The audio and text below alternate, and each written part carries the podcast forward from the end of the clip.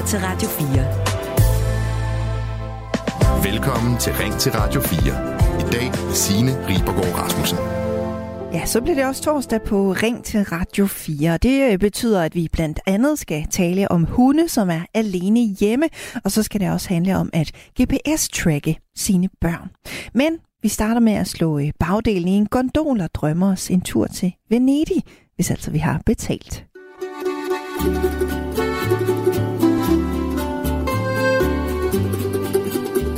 For øh, nu kommer det til at koste penge, hvis man skal besøge den øh, her turistmagnet på en endags tur.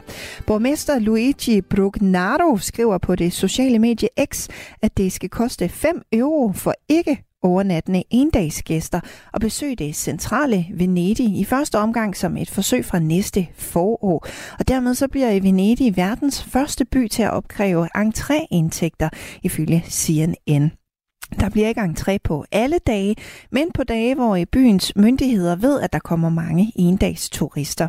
Målet med entréen er at afskrække endagsturister i visse perioder, oplyser borgmesteren, og han tilføjer, at øh, de specifikke datoer med entré vil blive oplyst senere. Den italienske by har i mange år døjet med overturisme, og UNESCO har nu placeret byen på en liste over verdensarvsområder, som er i fare. Men overturisme, det er altså ikke kun noget, der er forbeholdt Venedig. I København har flere aktører råbt op om, at der er alt for mange turister, mange flere end byen kan holde til, og der kan være noget om snakken, det siger professor ved Center for Turismeforskning på RUK, Jon Sundbo til TV2 Kosmopol. Det er på vej mod overturisme. Det er ikke så slemt, som det er i nogle byer, men man kan se tendenserne, lyder det. En af de øh, kritiske stemmer, det er Bent Lohmann, der er formand for Indre Bys lokaludvalg. Han er slet ikke afvisende for, at Venedig-modellen kunne give mening i København også. Ham taler jeg med lige om lidt.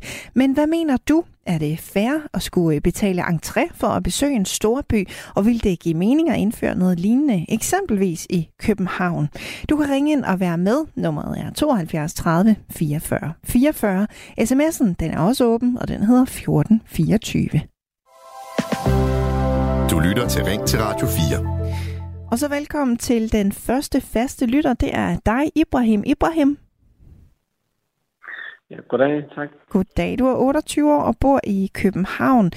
Ibrahim, øh, hvad mener du? Altså er det fair det her med at skulle øh, betale entré for at besøge en storby som turist? Øh, jeg tænker, at øh, hvis turismen er en udfordring, øh, så voldsom en udfordring, og at der skal findes nogle løsninger, så er det op til beboerne i, i, i den givende øh, by og politikerne derovre, der skal finde løsninger. Og om det så er entré, der er løsningen på problemet, øh, ved jeg ikke. Øh, det kan jeg ikke sige noget om. Øh, specielt hvis det kun er 5 euro. Jeg tror ikke, det kommer til at have en stor effekt. Øh, men der skal, der skal ske en løsning øh, øh, for byen Venedig. Øh, men om entréprisen er løsningen, det må tiden vise. Mm. Kunne du, øh, ja det kunne du blive nødt til, men vil du selv have lyst til at betale sådan en entré her, hvis du skulle til øh, eksempelvis Venedig? Jeg tror, at 5 euro vil, vil afskræmme mig, øh, hvis jeg virkelig havde lyst til at tage til Venedig øh, og tilbage igen. Øhm, så jeg vil muligvis have betalt de 5 euro der. Jeg tror, hvis øh, prisen var dyre, øh, 50 euro, 60 euro, 100 euro, så vil jeg måske tænke mig øh, en ekstra omgang, før jeg kan billetten. Mm. Du, du bor jo øh, selv i København, Ibrahim. Øh, oplever du, at der er øh, for mange turister i København? Øhm, ja, jeg oplever som sådan ikke, at der er så mange turister næste i København. Mm. Øh, måske fordi jeg har skyklapper på og fokuseret på de ting, jeg skal lave. Øh, men øh, jeg tror, at det, der, hvor man kan mærke det mest, det må være i Indre By, hvor der er de her attraktioner, øh, som tiltrækker rigtig mange turister. Ikke? Mm. Ibrahim, øh, hæng på. Vi taler øh, videre om det her. Til næste forår, der skal man altså have sædlerne op af pengekatten, hvis man vil på øh, en dags tur til Venedig. For foråret skal besøgende på 30 udvalgte dage betale de her 5 euro for at komme ind i den kendte by på de mest travle tidspunkter, hvis de ikke samtidig også overnatter i byen. Og det svarer til øh, ca. 38 danske kroner per person. Ifølge borgmesteren i byen, så er håbet, at øh, nye priser kan være med til at modvirke endagsturisme i særlige perioder, og det skal være med til at passe på Venedig og på øh, byens unikke egenskaber og skrøbelige konstruktion lyder det. Regulering af turister i bestemte perioder er nødvendig, men det betyder ikke, at vi lukker byen, siger borgmester Luigi Brugnaro. Men kan den idé have gang på jord i Danmark også? Det kan den jo øh, muligvis, hvis man spørger dig, Bent Lohmann. Velkommen til. Jo, tak. Formand i uh, Indre Bys lokaludvalg i København. Du kan jo godt se sådan en, øh, en lignende ordning her gøre sig gældende i København. Hvorfor det? Fordi det, er, det vil være en god hjælp til at få dækket de omkostninger, der er ved det slid, der er på byen. Der er et relativt stort slid og øh, driftomkostninger ved at have så mange turister gennem byen, som vi har. Hmm. Hvad, hvad er det for, for en skade, du mener, at, at de her endags turister gør? de gør ikke skade som sådan. De slider bare på byen. Og det er... Øh, vi får heller ikke noget specielt ud af det.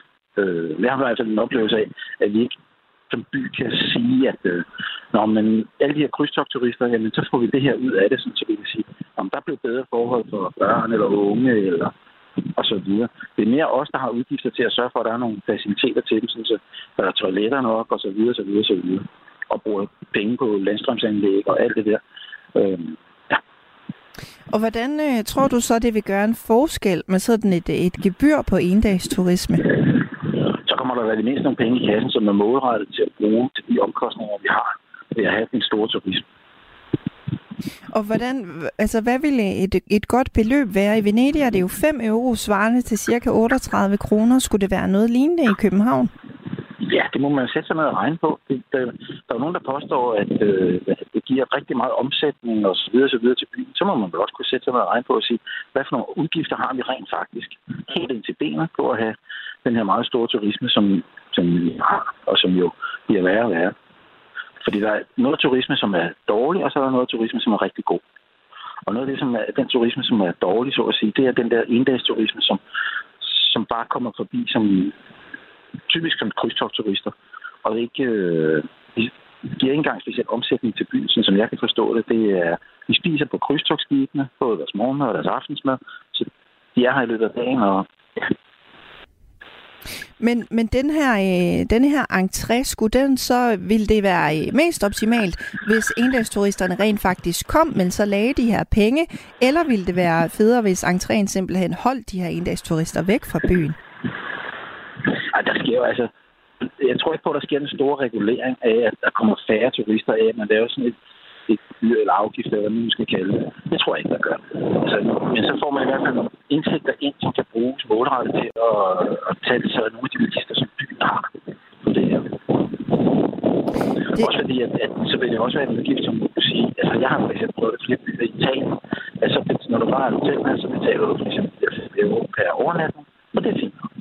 Bent, øh, det, det blæser lidt ind i din telefon. Har du ja, mulighed for... Lidt her. Ja. Det er, uh, det var dejligt. Det Meget bedre. Okay.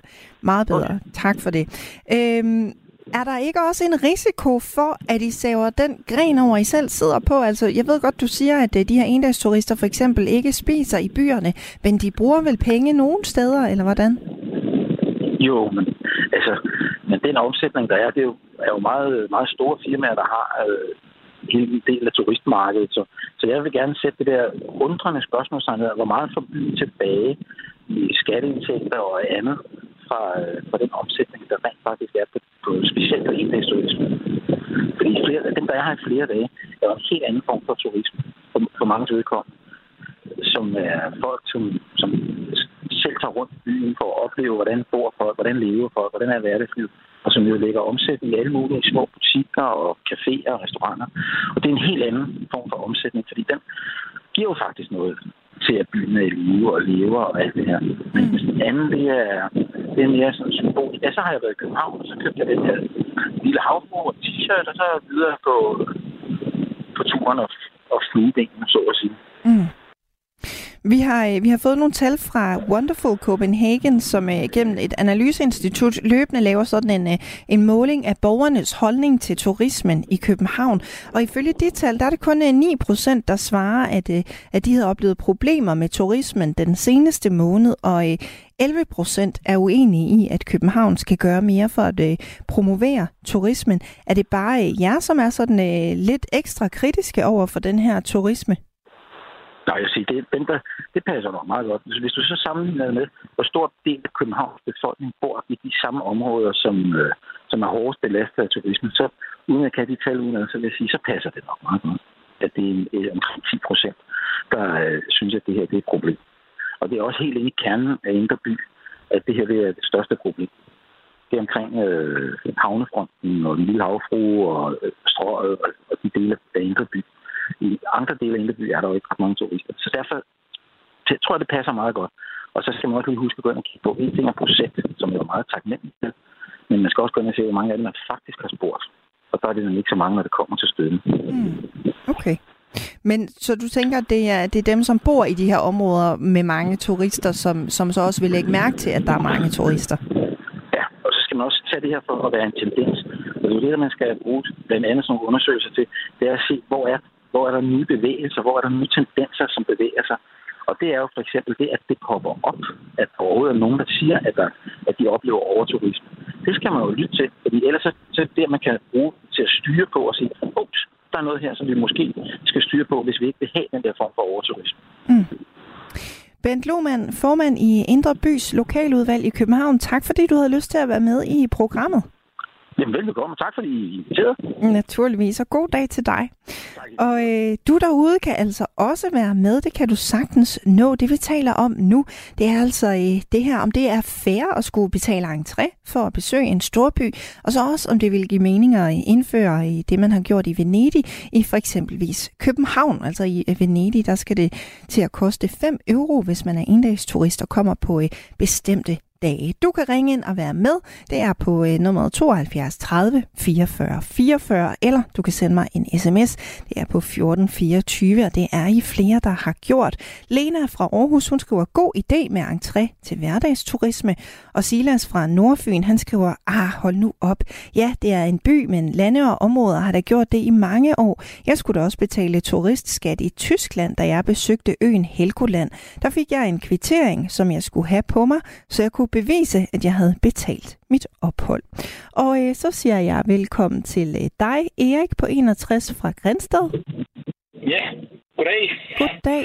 Hvad mener du, øh, Erik? Er det fair øh, nok, det her med at skulle betale entré i, øh, nu er det jo så Venedig?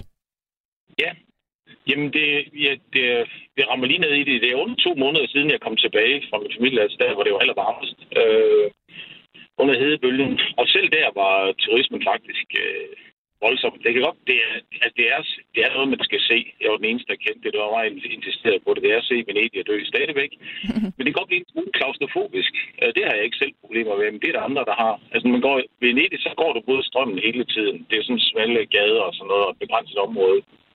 Og så lige den sammenhæng, altså København er overhovedet ikke en stor by. Altså, det må være København, der ikke har været Venedig, der, øh, der laver den sammenligning. Men, og det, men det kan godt øh, provokere nogen, men men selvfølgelig kan man da lave det. Jeg tænker på, hvis nu, og jeg er fuldstændig enig med den første kloge lytter, der sagde, at 5 øh, euro gør ikke rigtig nogen forskel. Men det skal vi jo ikke kloge at sige. Hvis de kan bruge det til noget, øh, der er jo også en, omsætning ved at være øh, ved at have turister, ikke? Og, og måske noget indtægter for byen. Men hvis de kan bruge det til noget, så dem om det.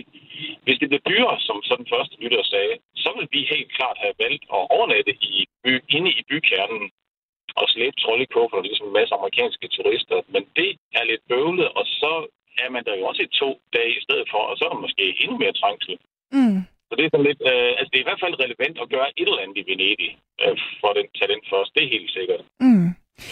Det og, det. og men hvad så, hvad så med, med København? Altså, du siger, ja. det er ikke en stor by ja. i den forstand. Det, har vi ikke ja, turister nok til, at det vil give mening? Nej, Ja, men jeg ved heller ikke, jeg ved heller ikke danskerne er jo rige. Det kan, hvis det sådan er en mindre udgift. Jeg ved, om det overhovedet vil batte noget. Det bare vil være penge i kassen. Altså, jeg ved ikke, om, det, om de, de vil have i, at det er adfærdsregulerende nede i Venedig, ikke også? Mm. Det er jo det, der er deres tanke, at de simpelthen vil være færre turister på spidsbelastning.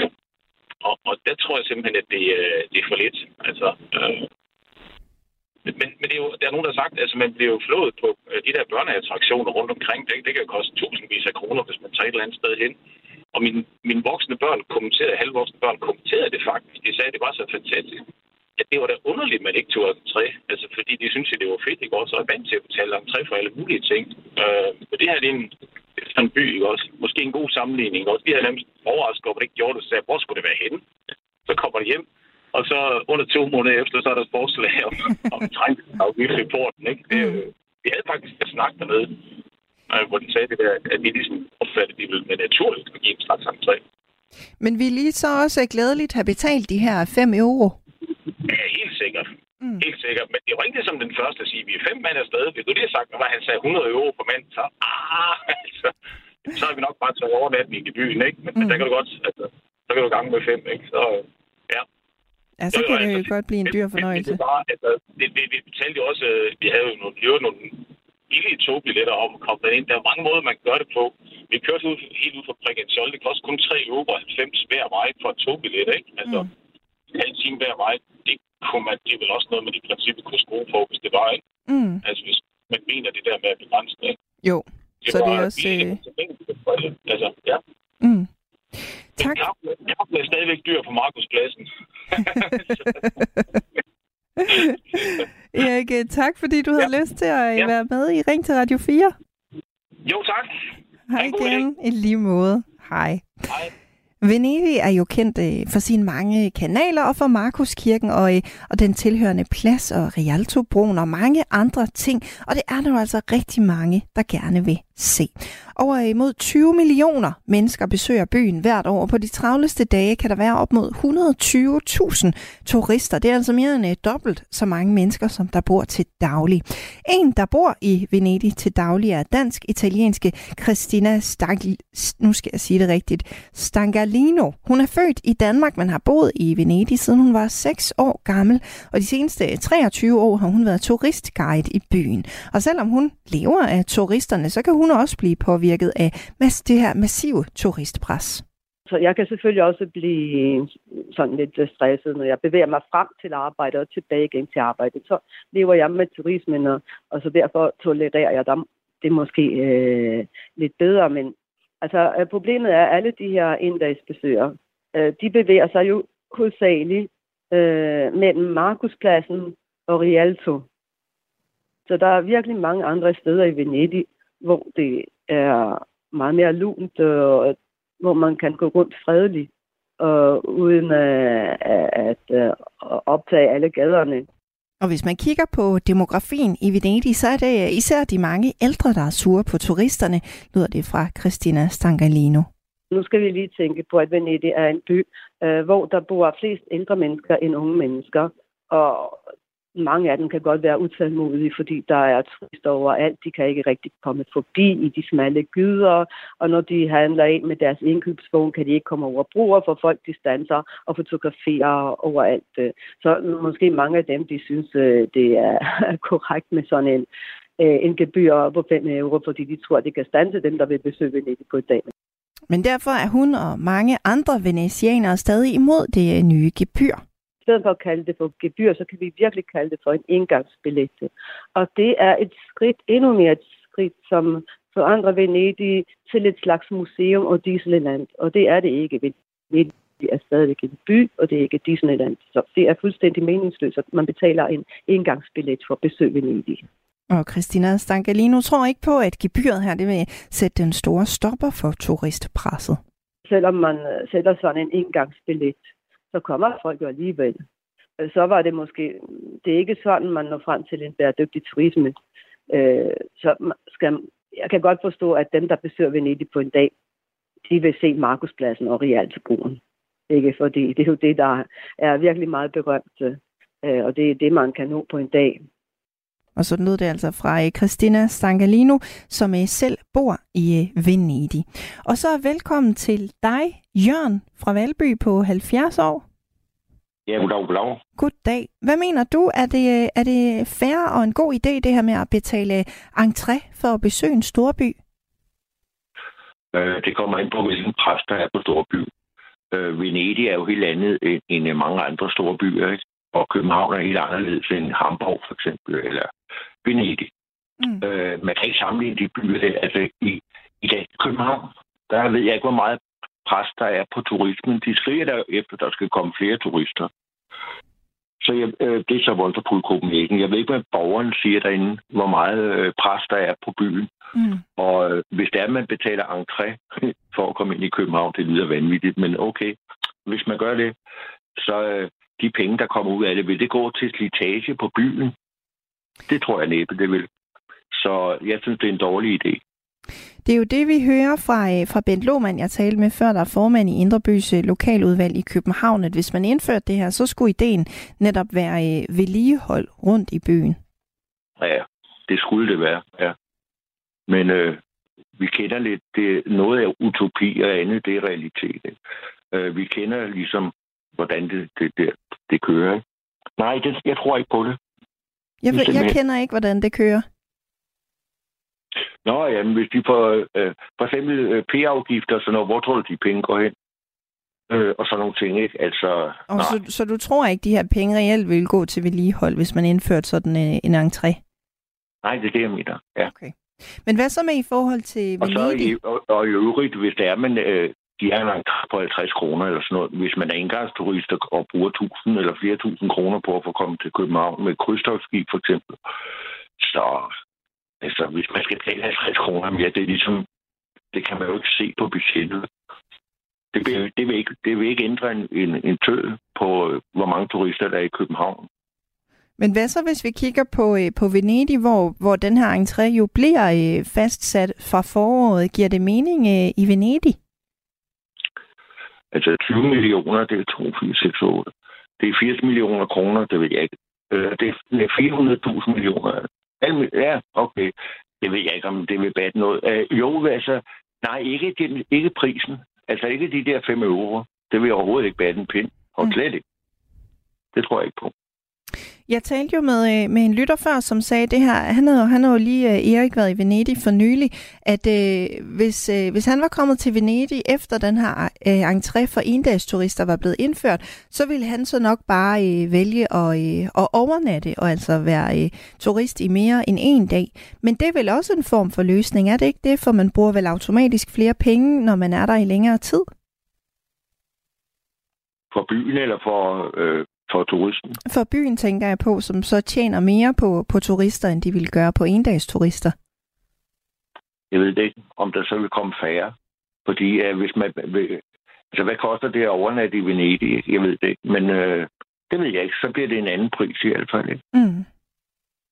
Jeg ved det ikke, du. Jørgen, tak fordi du havde lyst til at være med i programmet. Ja, men det er altid en fornøjelse. Tak, tak. Og en fornøjelse at tale med dig. Farvel igen. Tak. Hej.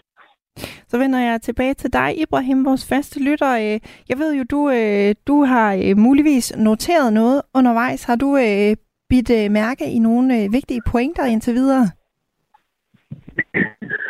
Jamen, øh, noteret jeg noteret mig.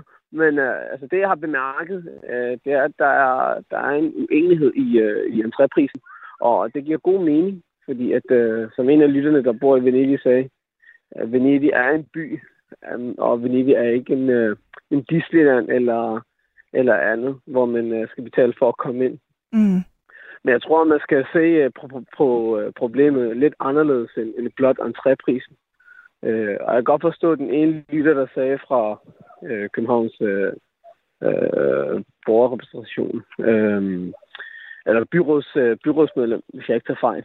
Ja, han, uh, han formand sagde, i Indre By ja, formand for Indre at, at pengene skulle bruges til at øh, forbedre byen og, og, og, og så videre. Ikke? Mm. Men jeg tror, at løsningen ligger ikke i entréprisen. Jeg tror, man skal gå ind og kigge på, hvor er det egentlig, de her mennesker kommer fra. Øh, måske lave en form for kvotefordeling eller et eller andet i Venedig. Og der er så mange turister, ikke? Mm. Øh, og på den måde, hvad hedder det, eller på en anden måde med, jeg tror ikke, at entréprisen giver mening. Øh, nu har jeg lyttet til de forskellige lytter, og, og, og både dem, der bor dernede, dem, der har været derovre, og, og så videre. Ikke? Øhm, ja. Mm. Ibrahim, øh, vi nærmer os nogle nyheder, men vi tales jo også ved på den anden side af dem. Og du kan også tale med af dig, som lytter med. Altså om det her med, er det fair at skulle betale entré for at besøge en storby, og om det vil give mening at indføre noget øh, lignende, eksempelvis i København. Du kan være med i snakken. Det kan du være ringe ind på 72 30 44 44. Du kan også sende mig en sms, og det er på 14 24. Så tales vi ved efter nyhederne med Dagmar Iben Østergaard. Lytter til Ring til Radio 4.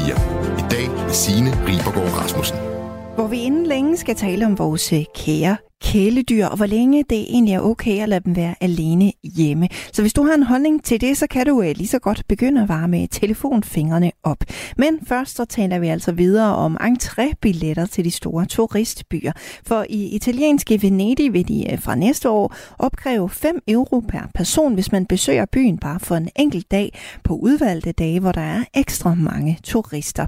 Byen kan nemlig ikke altid følge med, når horderne af turister vil se Markuskirken, Real Rialtobroen eller ved en tur i de ikoniske gondoler. Ifølge byens borgmester skal gebyret afskrække bare nogle turister i at besøge byen, men omvendt så kan man jo spørge, om ikke turisterne lægger penge i byen, når de så er der. Men hvad mener du om det her? Er det fair at skulle betale entré for at besøge en stor by? Og kunne du øh, forestille dig noget lignende hjemme i øh, vores øh, store turistbasker København? Du kan ringe ind på 72 30 44 44 og være med til at tale om emnet her. Du kan også sende en sms på 1424. Det har Lars Madsen gjort. Han skriver, undskyld mig, 37 kroner. Skulle det stoppe en turist, når man alligevel er i Italien? En øl koster 80 kroner. Det er en skat. 1000 kroner, så vil det måske hjælpe. Hvad koster det at sejle over? Hold nu kæft, hvor naivt, skriver Lars Madsen. Arne, han skriver på 1424, faren ved gebyret Gebyret er, at det ikke bliver brugt til forbedringer og udbedringer af byen, men blot bliver en indkomst uden modydelse.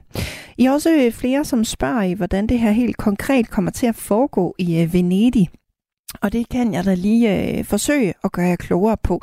Det er rejsende, som har planer om at besøge øh, den historiske del af Venedig, skal registrere deres besøg, også selvom de skal overnatte i byen. Og hvis man er borger i Veneto-regionen, eller er studerende, eller man besøger familie i byen, så er man undtaget fra det her. Men der bliver så lavet et online booking-system, hvor øh, rejsende skal booke en tur til Venedig, og når man har betalt, så får man en QR-kode, som fungerer som billet.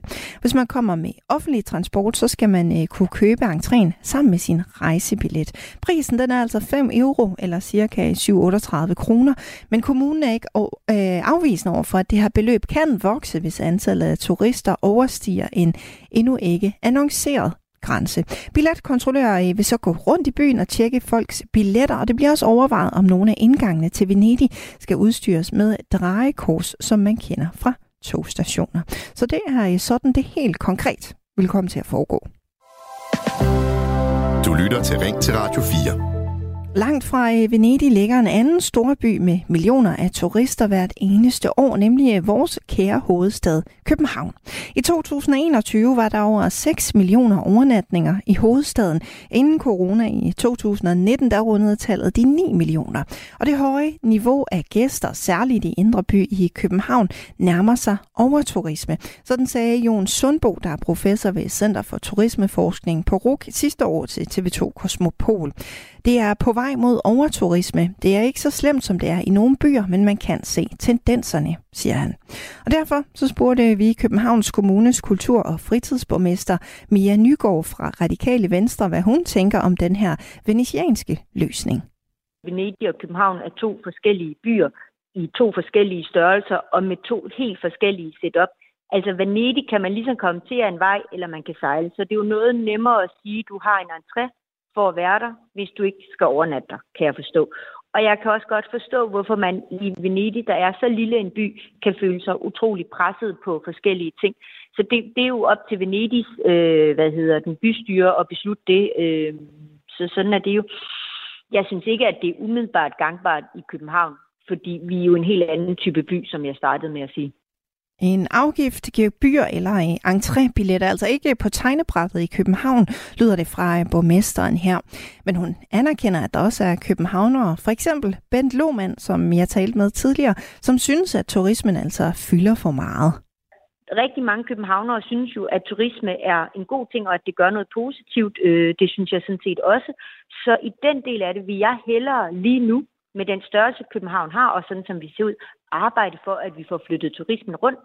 Jeg bor selv i Indre By. Jeg kender Bent rigtig godt, og jeg kan sagtens forstå, at man i dele af Indre By kan synes, at det virker virkelig voldsomt med, hvor mange mennesker der er.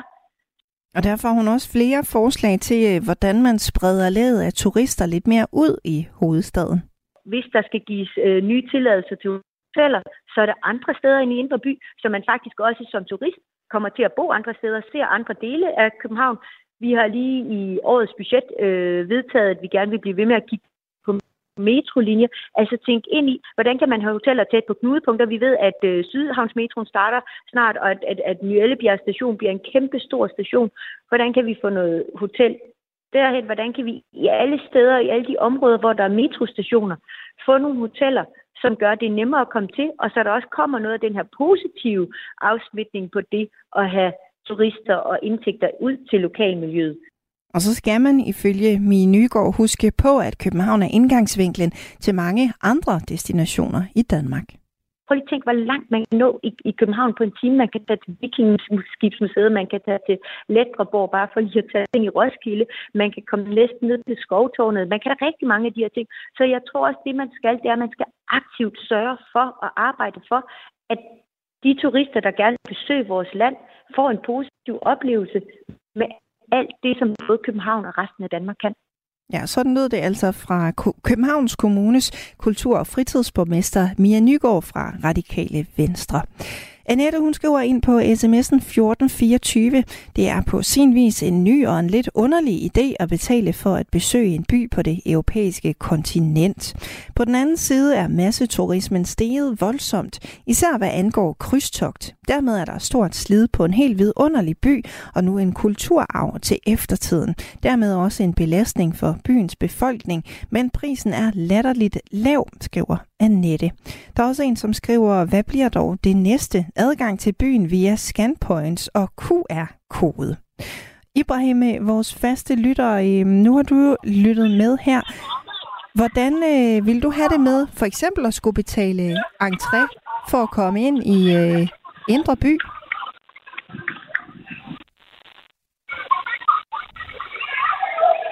Kan du høre mig, Ibrahim? Yes, og yes, jeg, jeg kan godt høre dig. Godt det er høre godt. Du, du.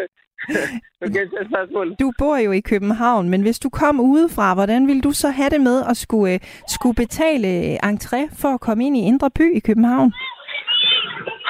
Altså, jeg, jeg, jeg vil ikke have det særlig godt med det. Altså, jeg, som udgangspunkt er jeg kommet frem til i løbet af den her uh, radioindsendelse, at jeg, jeg er ikke enig i uh, entré øh, billetten der for at komme ind i Indre By.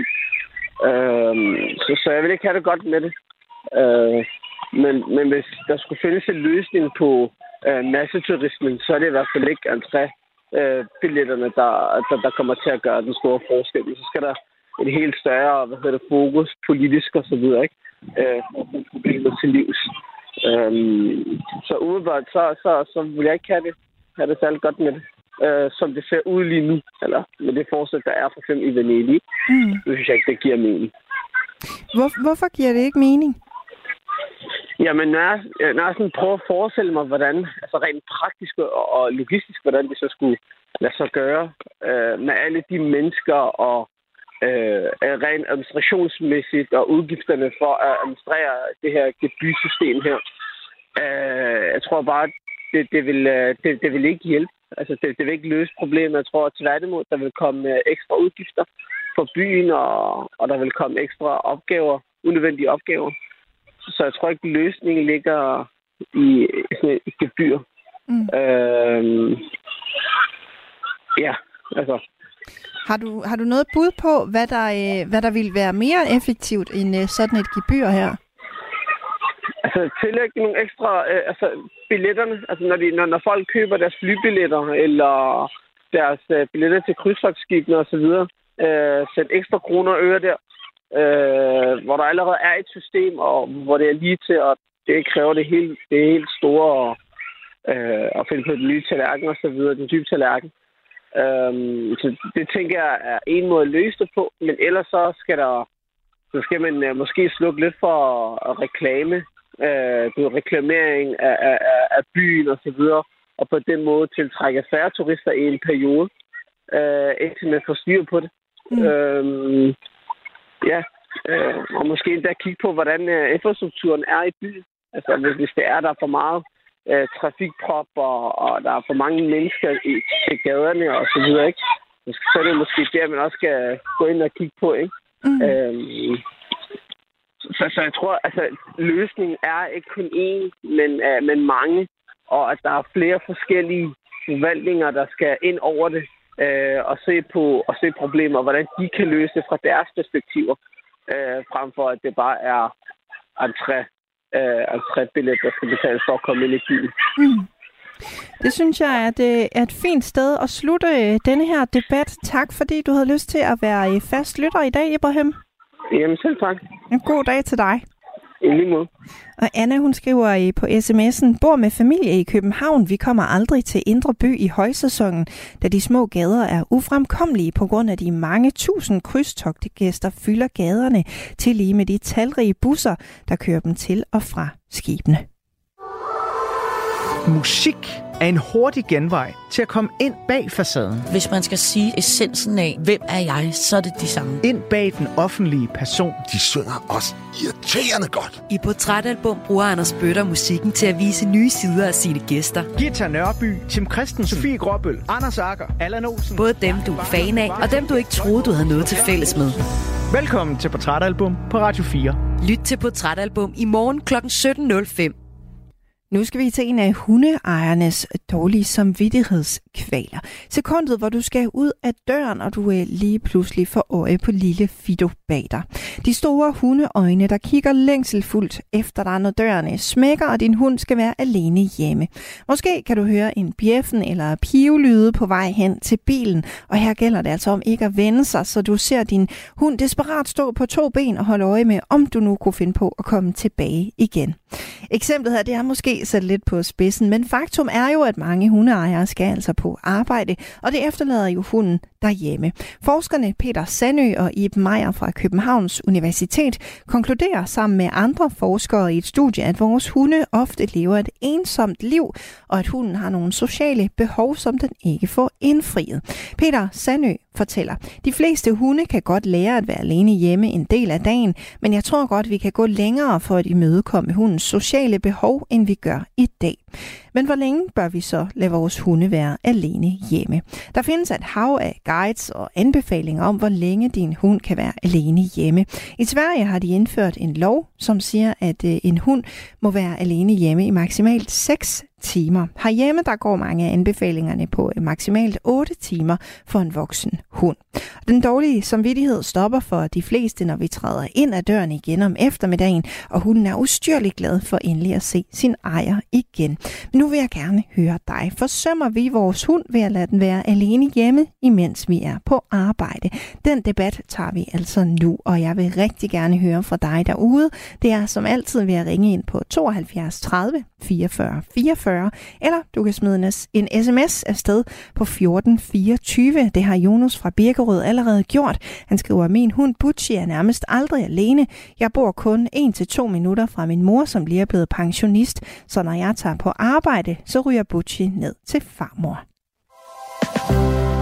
Du lytter til Ring til Radio 4. Og så velkommen til dig, David Bertelsen, vores øh, faste lytter på emnet her. Hej. Hej, du er 43 og bor på øh, Østerbro. Har du øh, selv en hund, David? Vesterbro. Vesterbro, undskyld. øh, nej, jeg har ikke nogen hund. Jeg må ikke have hund i ejendommen, og det er vist bare godt, fordi at jeg er ikke ret meget hjemme, så det vil sige, at øh, så vil jeg jo forlade øh, den fire ben. Mm. Og, og det vil... Og øh, efterlade den for længe. Og hvad er for længe? Øh, mere end en arbejdsdag, som jo normalt er, er de 7,5-8 timer. Mm. Så hvor lang tid synes du, øh, man kan lade en hund være alene hjemme? En arbejdsdag. 7 timer. Okay. Synes du så, at vi øh, forsømmer hunde, når vi lader dem være øh, alene hjemme? Øh, alt, alt, hvad, alt, hvad vi forlader, det øh, forsømmer vi vel. så, så, også, øh, så også hunden. Mm. Men, men kan man ikke også sige, at... Øh, så jeg tror faktisk, at jeg vil fravælge hunden, selvom øh, at jeg gerne måtte, på grund af, at jeg i forvejen ikke er, er meget hjemme. Okay. Så jeg vil, ikke have, jeg vil ikke have tid nok til den. Okay. Men kan man ikke også sige, at, øh, at det er bare et vilkår? Altså de fleste er, er jo ude og arbejde en, en 8 timer om dagen. Så, så ville det jo ikke være mange, der kunne anskaffe sig en hund. Men det kommer også an på, hvordan man så er over for hunden, når man så endelig kommer hjem. Ikke? Og man giver den den der lange øh, tur rundt om øh, søen, øh, som den har brug for. Mm. Vil det, vil det veje lidt op for, at, øh, at man, man har været væk ikke en lang længere, dag? Nej, ikke længere end de 8 timer, nej. Mm. Okay. Så, så man kan være væk maks 8 timer, hvis man så øh, virkelig giver den øh, omsorg og kærlighed, når man kommer hjem? Det er, det er min holdning, ja. Mm. Øh, vi taler øh, meget mere om din holdning og om de her øh, hunde, David, så øh, hæng endelig på. Der er øh, mange hundeejere, som lader deres øh, hund være alene hjemme, mens de går på arbejde, og nogen sætter øh, måske et kamera op for at holde øje med hunden, og andre får en hundelufter til at kigge forbi. Øh, Jonas får sin mor til at kigge efter hunden, mens han er på øh, arbejde, kunne vi høre på sms'en. Og så er der altså også nogen, som ikke gør noget. Men hvordan har hunden det egentlig, når vi lukker døren om morgenen og lader den være alene? Forskerne Peter Sandø og Iben Meyer fra Københavns Universitet konkluderer i et studie, at vores hunde bliver ensomme, når vi efterlader dem dag ud og dag ind derhjemme alene. Vi har talt med forsker på projektet og adjunkt ved Københavns Universitet, tilknyttet Center for Forskning i Familiedyrs Velfærd, Iben Meier. Hun siger, at det ikke er naturligt for hunden at være alene hjemme, men nærmere en nødvendighed, som de så kan vende sig til. Det der med at være alene, det er noget, de kan lære at tåle og have det ok med, men det er ikke noget, de foretrækker. Øh, og hvis de er længere end, end hvad de er tilpas med, så kan det have rigtig store konsekvenser for deres velfærd øh, i form af angst, øh, frustration og, og ubehag ved at være alene. Men burde vi så ikke helt lade være med at anskaffe os en hund, hvis vi har et fuldtidsarbejde, som ikke kan klares hjemmefra? Her er svaret hverken et rungende ja eller nej. Nej, det synes jeg ikke, man bør. Fordi der, der findes masser af hunde derude, som lever gode liv med god velfærd, selvom deres ejer går på arbejde i 8 timer. Men det, men det kræver, at man så også bruger noget god kvalitetstid med hunden, når man kommer hjem. At man ikke jeg synes ikke, man skal have en hund, hvis den skal være alene hjemme 8 timer hver dag, og så kommer ud på det, jeg kalder en kliktur, hvor den bliver slæbt rundt om blokken i en snor, og så kommer hjem og ligge for sig selv resten af dagen, mens man, mens man gør det, man i øvrigt nu gør som menneske. Jeg synes, det er vigtigt, at man øhm, forholder sig til, at man skal bruge tid og energi sammen med den hund, man har anskaffet, eller det kæledyr, det hele taget, man har anskaffet. Øhm, fordi det, det er vores ansvar at sørge for, at de har det godt. Hun er et flokdyr, og det må, det må vi altså ikke glemme, når vi kommer hjem fra arbejde til vores elskede hundeven. Vores hunde kan godt lide at være sammen. Øh, mange hunde foretrækker faktisk at være sammen med mennesker, men, men det kan jo selvfølgelig også være at have en god hundeven, man bor sammen med. Øh, de skal have opfyldt deres artsspecifikke behov for øh, motion, fysisk motion, mental motion. De skal have noget mental stimulering, hvor de skal løse opgaver øh, og blive trænet. Og jeg tror, at i den optimale verden, så var de ikke alene. Men det kan vi jo ikke opfylde. Så så må vi gøre det så godt vi kan. Og der ved vi, at i for eksempel Sverige har de en, en regel, der hedder maks 6 timer. Jeg ved ikke, om det er det, den gyldne sandhed, men, men jeg tror i hvert fald, at 8 timer, det er nok at strække den for de fleste hunde. Og netop det her med at øh, aktivere hunden, som øh, lytter øh, David han også kommer ind på, det er afgørende for, at den så kan klare sådan en øh, hel arbejdsdag alene hjemme. Jeg tror, jeg tror faktisk, at, eller det er der i hvert fald meget, der tyder på også, at velstimulerede hunde har meget lettere ved at acceptere den der alene tid. Det vil sige hunden, der, når vi så er hjemme, bliver gået tur med spændende ture, hvor de kommer ud og snuse og måske lege med nogle gode hundevenner og, og få en ordentlig en på opleveren. De vil simpelthen være mere trætte, og så sover, hviler hunde rigtig mange timer om dagen, og det kan de jo godt gøre, mens vi ikke er hjemme. Så hvis vi sørger for at stimulere vores hunde godt med gode gåture, træning, leg og i det hele taget sådan sige, positiv samvær, så bliver det lettere for dem at tåle at være alene. Man kan selvfølgelig også gøre forskellige ting øh, i forhold til alenetid. Man kan efterlade ting, hunden kan tykke i og lege med selv. Øh, der er nogen, der får sig en hundelufter, som kommer og lufter hunden, øh, mens man er væk. Der er også nogen, der bruger deciderede hunde børnehaver, hvor hunden så man bliver afleveret noget af dagen, øh, mens man er på arbejde. Så der er forskellige ting, vi kan gøre, hvis, hvis vi endt med sådan en hund, der ikke synes godt om 8 timers alenetid. Men hvordan opdager vi så, at vores hund ikke kan lide at være alene hjemme? Her kan vi øh, måske faktisk hjælpe hinanden i det boligområde, vi bor i, lyderne fra Iben Meier. Det er faktisk ret ofte, at folk henvender sig, fordi naboen har klaget. Altså, og, og et af symptomerne på alene hjemmeproblemer er jo det, vi kalder vokalisering, altså gøen, hylen, tuden. Øh, og det, øh, medmindre man har videoovervågning på i, altså som, som teoriforsikring, så opdager man det jo ikke, fordi det foregår, mens man ikke er, øh, er hjemme. Men så hører naboerne det måske. Øh, en anden ting, der kan være et tegn på det, er, at, at der er ødelagt ting, når man kommer hjem. Så hvis, hvis hunden har tykket i sko, tøj, paneler, øh, møbler, så kan det også være et tegn på frustration eller, eller angst ved at være alene. Og så er der nogle hunde, som simpelthen bliver urenlige. De bliver så stresset, at de ikke kan holde sig, at de enten øh, laver stort eller småt indenfor. Og det kan være nogle af de tegn, der er på, at, at hunden ikke er tryg ved at være alene. Og i Meyers budskab er klart. Jeg tror, vores hunde vil foretrække at være sammen med os det, hele tiden. Men selvfølgelig kan de lære at have det ok med det, hvis vi bruger tid og energi på at træne det med dem. Øhm, jeg synes, man skal være bevidst om, når man anskaffer sig en hund, at det kræver tid og energi, og at man måske er nødt til at tilrettelægge sit liv på en måde, hvor hunden ikke skal være alene hjemme så mange timer om dagen. Den kan godt lære som sagt, at være alene hjemme noget tid, men, men jeg synes, man skal prøve at minimere det så meget som muligt.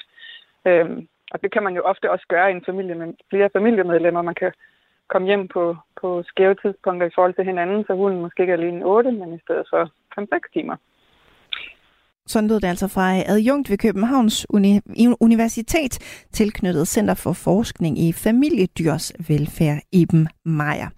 Jeg vil øh, meget gerne tale med dig derude om spørgsmålet her, om vi forsømmer vores hund ved at lade den være alene hjemme, mens vi er på arbejde. I er mange, som byder ind på øh, sms'en 1424 og bliv endelig ved med det, men jeg vil også så gerne øh, tale med jer, så ring meget gerne ind på 72 30 44 44, og så øh, taler vi om det her med, om vi forsømmer hundene, når vi går på arbejde, og de bliver hjemme. Lena fra Aarhus, hun skriver på sms'en, man skal ikke, man skal ikke øh, mm, mm, mm, mm, man skal ikke være sådan et kæledyr, specielt, man skal ikke have et kæledyr, specielt en hund, hvis man er øh, max eller mindst 6 timer væk. Det er dyrplageri, skriver Lena. Lars Madsen han skriver, husk nu, det er kun et dyr. Derfor man skal man jo alligevel være god ved dem. 8-10 timer er ok at være væk. Og Lars Hansen fra København, han skriver, det er ikke sundt for hverken hunde eller mennesker at være alene, heller ikke i kort tid. Og så øh, velkommen til øh, dig, Nils på 73 år og bor i øh, Humlebæk. Du har jo været chef for hundetræner i mange år. Så hvad siger du? Kan de godt øh, være alene hjemme hele dagen? Ja, de kan i hvert fald godt være hjemme i, i nogle timer, øh, kan man sige, alene, hvis ellers man sørger for, jeg har været lidt rundt om det, at øh, man selvfølgelig står op om morgenen, og nu på cheferhundens vedkommende, der er et meget aktivt dyr og, og skal øh, have udfordringer hele tiden og sådan noget. Øh, der er det altså vigtigt, at de bliver motioneret ordentligt om morgenen i en times tid, eller, eller, eller i den stil, og får løbet krudtet af sig og får skidt og tisset, og, og er for fornuftigt, du ved, gennemmotioneret, inden at de skal ligge og øh, måske være alene i 6-8 timer mens man er på arbejde, og så skal de så have en tur igen, øh, når man kommer hjem, hvor man er ude og, og, og lege og træne osv. Og, så videre. og, og hvis man bruger tid på det, og man har en interesse for det, så er det ikke noget problem. Jeg havde to chefer, hun i 14 år, 7 i 13, var der overhovedet ikke nogen problemer med de dyr i alle de år, hverken på en eller anden måde. De har aldrig ødelagt noget eller knævet noget, noget, så det må være udtryk for, at de har været okay. Men jeg har set øh, resultatet af øh, folk, der har haft hunde, som ikke har, øh, kan man sige, øh, gjort det efter forskrifterne, som har splittet sådan et hus ad og revet planter op og smidt dem over hele huset og revet en vandseng i stykker på første sal, så vandet er løbet hele vejen ned ad trappen og ned i stuen. Altså, det, det er de mest forfærdelige ting, der kan ske, hvis det er sådan, at, øh, at det går galt. Og nogle gange, så går det jo galt, fordi at øh, hunden er jo lige så forskellige som mennesker. Det vil sige, at vi er indrettet forskellige med hensyn til det der med at være alene hjemme, og, og, og hvordan vi kan klare det både psykisk og, og fysisk. Så så der, der er mange årsager til, at det, at det kan gå galt, eller at det går godt. Men i hvert fald er, er hovedopgaven, det er, at man sørger for, at øh, den hund, man vælger, at øh, man er klar over, hvad det indebærer, og det er altså ikke bare 14 dage, men måske 14 år, at man har med den fornøjelse. Så det skal virkelig være et ønske, at man anskaffer sig en hund, for ellers så er det altså skide synd. Både for dem, der har den, som render rundt med dårlig samvittighed hele tiden, men også for dyrene, som jo har det af helvede til og, og, og savner en hel masse ting. Ikke? Mm. Niels, øh, tak fordi du havde lyst til at være med i øh, programmet. Ja, velbekomme og have en god dag. Hej. I lige måde. Hej med dig. Og meget apropos øh, det, Nils siger her, så er der en øh, på sms'en, som skriver, mange forældre giver efter for deres børns plageri om en hund. Disse hunde lever ofte et hundeliv, bogstaveligt talt. Så er der også en, som skriver, at alle hundeejere bør have en hundelufter. Der står en her af børn, der med glæde gratis vil lufte din hund en time om dagen.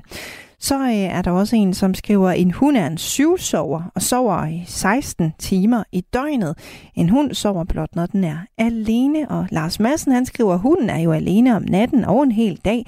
Men hvad skal man gøre ved det? Holde op med at arbejde. Mit spørgsmål til dig, det er, forsømmer vi vores hund ved at lade den være alene hjemme, mens vi er på arbejde? Og du kan sagtens nå at byde ind på øh, debatten her. Det kan du ved at ringe ind på 72 30 44 44, eller ved at sende en øh, sms ind, og det er på nummeret 1424. Du lytter til Radio 4. Velkommen til Ring til Radio 4 i dag Signe Ribergaard Rasmussen. Man siger, at øh, hunden er menneskets bedste ven, men hvor godt passer vi egentlig på vores hunde? Et studie af forskere fra Københavns Universitet viser, at hunde døjer med separationsangst og adfærdsproblemer. En af grundene til det er, at vi efterlader vores såkaldte bedste ven hjemme alene, mens vi går på arbejde. Så spørgsmålet er, om vi forsømmer vores hund ved at lade den være alene hjemme, mens vi er på arbejde, eller om det bare er et vilkår ved at være en familiehund. Du kan melde ind på telefon 72 30 44 44 eller sende en sms på 1424 og være med i debatten her. Så ser jeg frem til din återkobling, har jeg lige øh, fundet ud af, øh, tilbagemelding hedder på svensk. Du lytter til Ring til Radio 4. Frank han har allerede øh, skrevet på sms'en, forestil jer, at I ikke kan komme på toilettet i mindst 8 timer om dagen. Skrækkeligt ikke. Hunde bør ikke være alene hjemme, medmindre de har adgang til have eller hundegård. Og Tommy fra øh, Vestjylland, han er enig. Han skriver, hunde har ikke godt af at gå på trapper. Ingen have, ingen hund burde være loven. Og med to heste må man ikke kun have en have og minimum to hunde. Simpelt, skriver altså uh, Tommy. Og så uh, siger jeg uh, hej igen til dig, David, vores faste lytter. Hvad uh, mener du om det? Skal man uh, have en have for at kunne have en hund? Øh, nej, fordi så tror jeg faktisk bare, at man laver den, når man kommer hjem, så åbner man bare døren og får den lov til at, at løbe derud.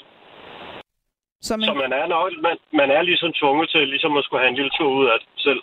Det er både godt for hunden og for ejer. Okay. Så, og for ejeren også rørt sig lidt sin 10.000 skridt om dagen. Okay, det kunne da være så, meget godt. Ja. For alle parter. det, kunne, det kunne være fint, så, så begge får rørt sig. Men forstår du, ja. forstår du den her idé med, at hvis man har en have, så kan hunden trods alt få lov at, at gå ud og tisse for eksempel, eller bare få rørt sig lidt, mens man er væk?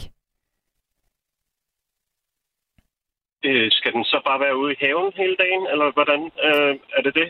Jeg, Forstår jeg det rigtigt? Jeg, jeg forestiller mig, at man har en dør åben ud til haven.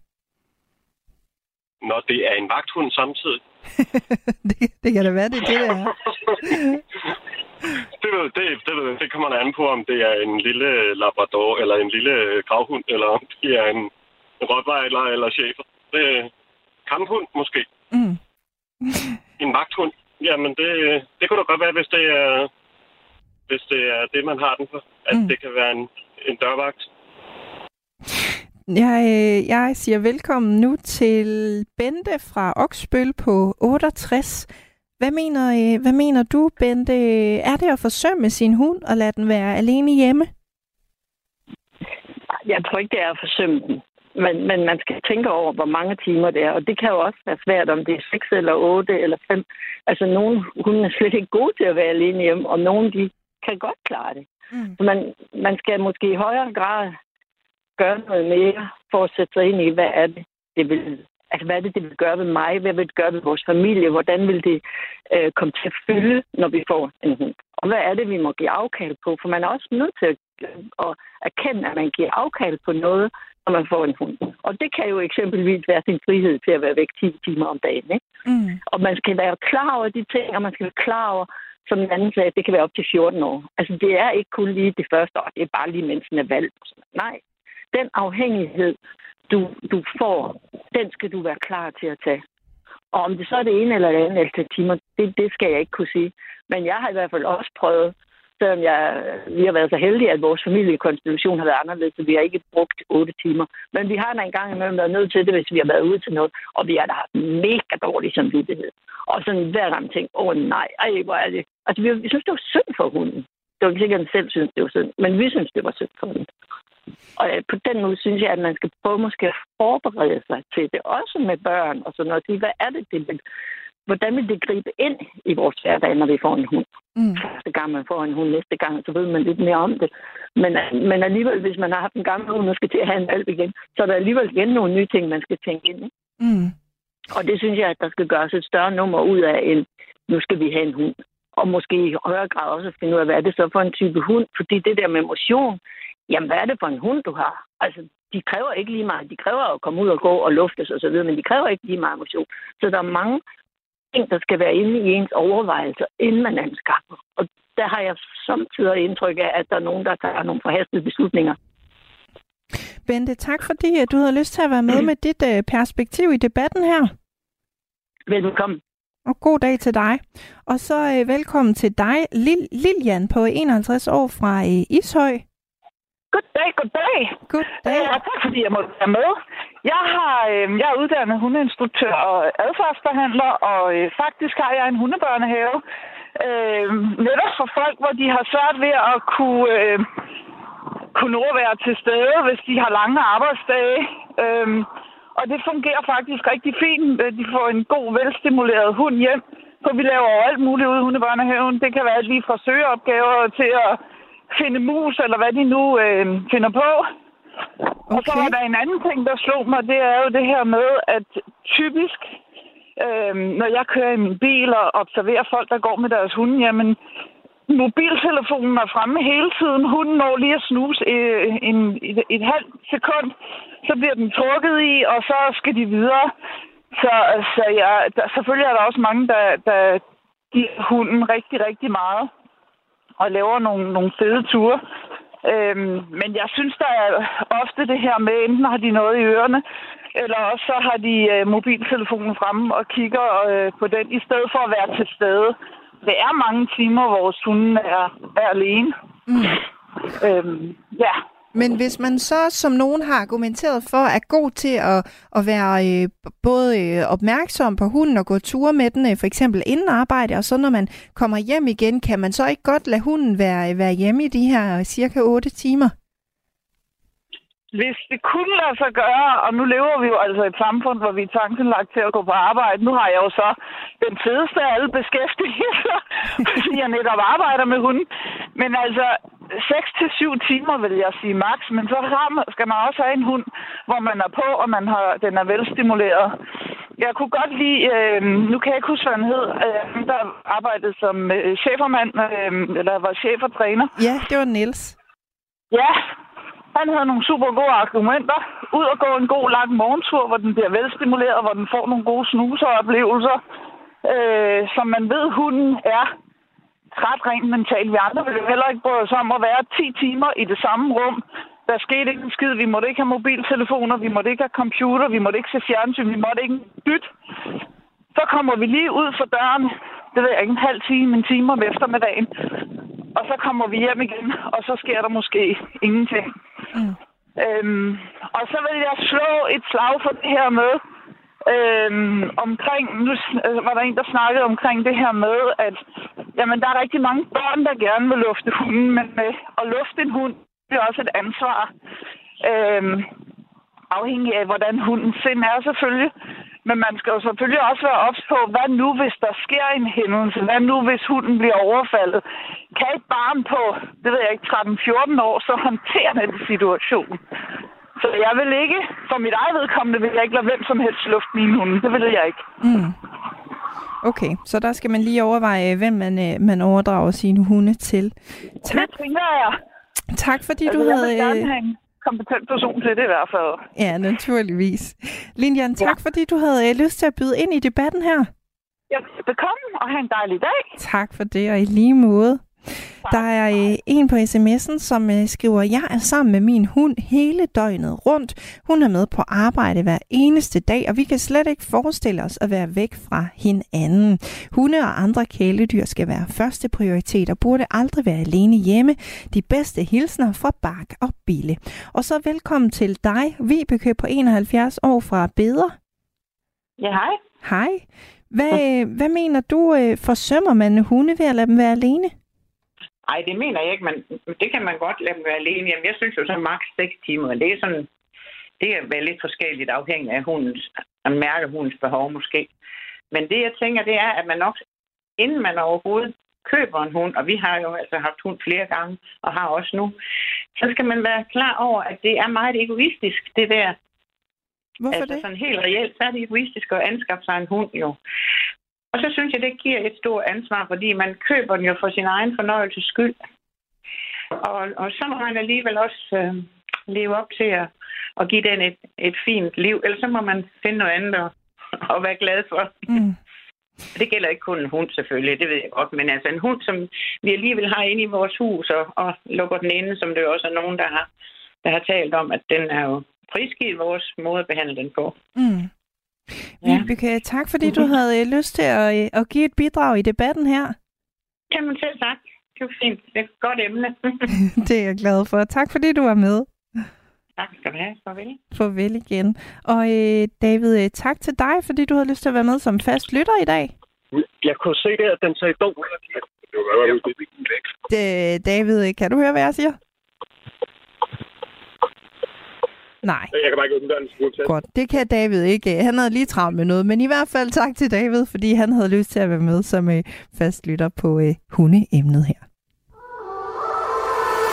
Jeg levede, jeg levede som kriminel i seks måneder. Jeg var med til at sælge stoffer. Jeg stod med folk med skyder og knive, kæmpe poser kok og distribuerede. Det sidste måltid er tilbage med en ny sæson. Jeg blev sat ind i en rockerborg. Så sidder vi og spiller poker. Med nye gæster og nye samtaler om det liv, der er levet. Det er en drøm at prøve, men det er ikke et liv, jeg har lyst til at leve. Og den død, der venter efter den sidste bid. Jeg kan garanteret komme i spillet for at sidde og sige sådan noget. Lyt til det sidste måltid i Radio 4's app, eller der, hvor du lytter til podcast. Radio 4. Var det det? Det var det. Ikke så forudsigeligt.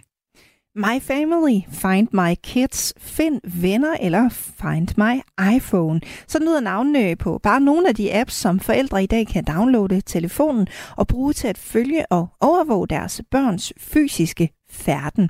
De her øh, mange apps har forskellige funktioner. Nogle sørger for, at forældre får besked, når deres børn ankommer til og forlader skolen, mens andre lærer forældre indstille virtuelle grænser, som de får besked på, hvis børnene overskrider. Og det kan altså være med til at give forældrene en følelse af tryghed. Lise Reinhold, som jeg taler med om lidt, har I tidligere sagt til øh, politikken. Hun, hun tracker sine øh, to 12-årige døtre. Jeg kan selvfølgelig sagtens forstå alle de overvejelser, man kan have omkring det. Dem har jeg også selv haft. Men jeg synes bare, at fordelene klart opvejer ulemperne. Og hvilke ulemper det så kan være, det taler jeg med Børns Vilkår om lidt senere. Men en ny analyse fra netop Børns Vilkår giver i hvert fald et indblik i det. Hver i femte elev i 6. klasse føler sig overvåget af deres forældre via telefoner med GPS-apps eller adgang til sociale medier, og det samme gælder hver tiende i 9. klasse, viser analysen. Og det er altså med til at indskrænke børnenes selvstændighed lyder det. En øh, hurtig søgning på apps, der kan hjælpe med at spore øh, familiens færden, giver ellers mere end 50 forskellige hits, så noget tyder jo på, at Lise Reinhold ikke er den eneste, der bruger det her værktøj. Men hvad siger du til det? Er GPS-overvågning af børn kærlig omsorg, eller er det at tage teknologien et skridt for langt? Altså er det omsorg, eller er det omklamring? Du kan ringe ind og være med i debatten. Det er på 72 30 44 44. Du kan også sende en sms ind på 14 24. Radio 4. Ikke så forudsigeligt. Og så velkommen til dig, Elisabeth Iversen, vores faste lytter. Tak skal du have. 64 år, bor øh, i Marstal på Ærø, og øh, så er du øh, blandt andet tidligere tv-vært. Elisabeth, øh, det her med GPS-overvågning af børn, hvad mener du? Altså, er det øh, kærlig omsorg, eller er det lige at tage det et skridt for langt? Og jeg synes, det er en usigeligt svær debat. Altså, jeg, jeg tror nok, at nu snakker, hvis vi snakker om børn fra, fra 6. klasse til 9. klasse, så kan man jo sige, der synes jeg jo også, der er en forskel. Ikke? Fordi når man nærmer sig de 12-13 år, så skal man jo til at gøre sig selvstændig. Så begynder den her selvstændighedsproces. Jeg synes, det er, det er rigtig svært, fordi det har noget med mistillid at gøre. Øh, jeg kan godt forstå at øh, kvinden her, som har de her tvillingesøstre, eller børn, undskyld, at hun, øh, at hun siger, at, at argumenterne vejer, hvis man lægger det op på en vægtskål. Så, så lyder det hult med argumenterne imod. Øh, vi lever jo i en verden, hvor vi ser en 13-årig pige, øh, som vi måske havde fundet før, hvis vi havde øh, tracket den her pige. Jeg kan, jeg kan egentlig godt, jeg kan godt se forældrenes problemer. Men der er jo tre ting i det her, eller der er tre ting, man skal tage hensyn til, og det er, der er børnenes øh, øh, tanker om det her, der er forældrene, men så er der jo også institutionerne, altså skolen, øh, hvor de ellers trives henne øh, bagefter.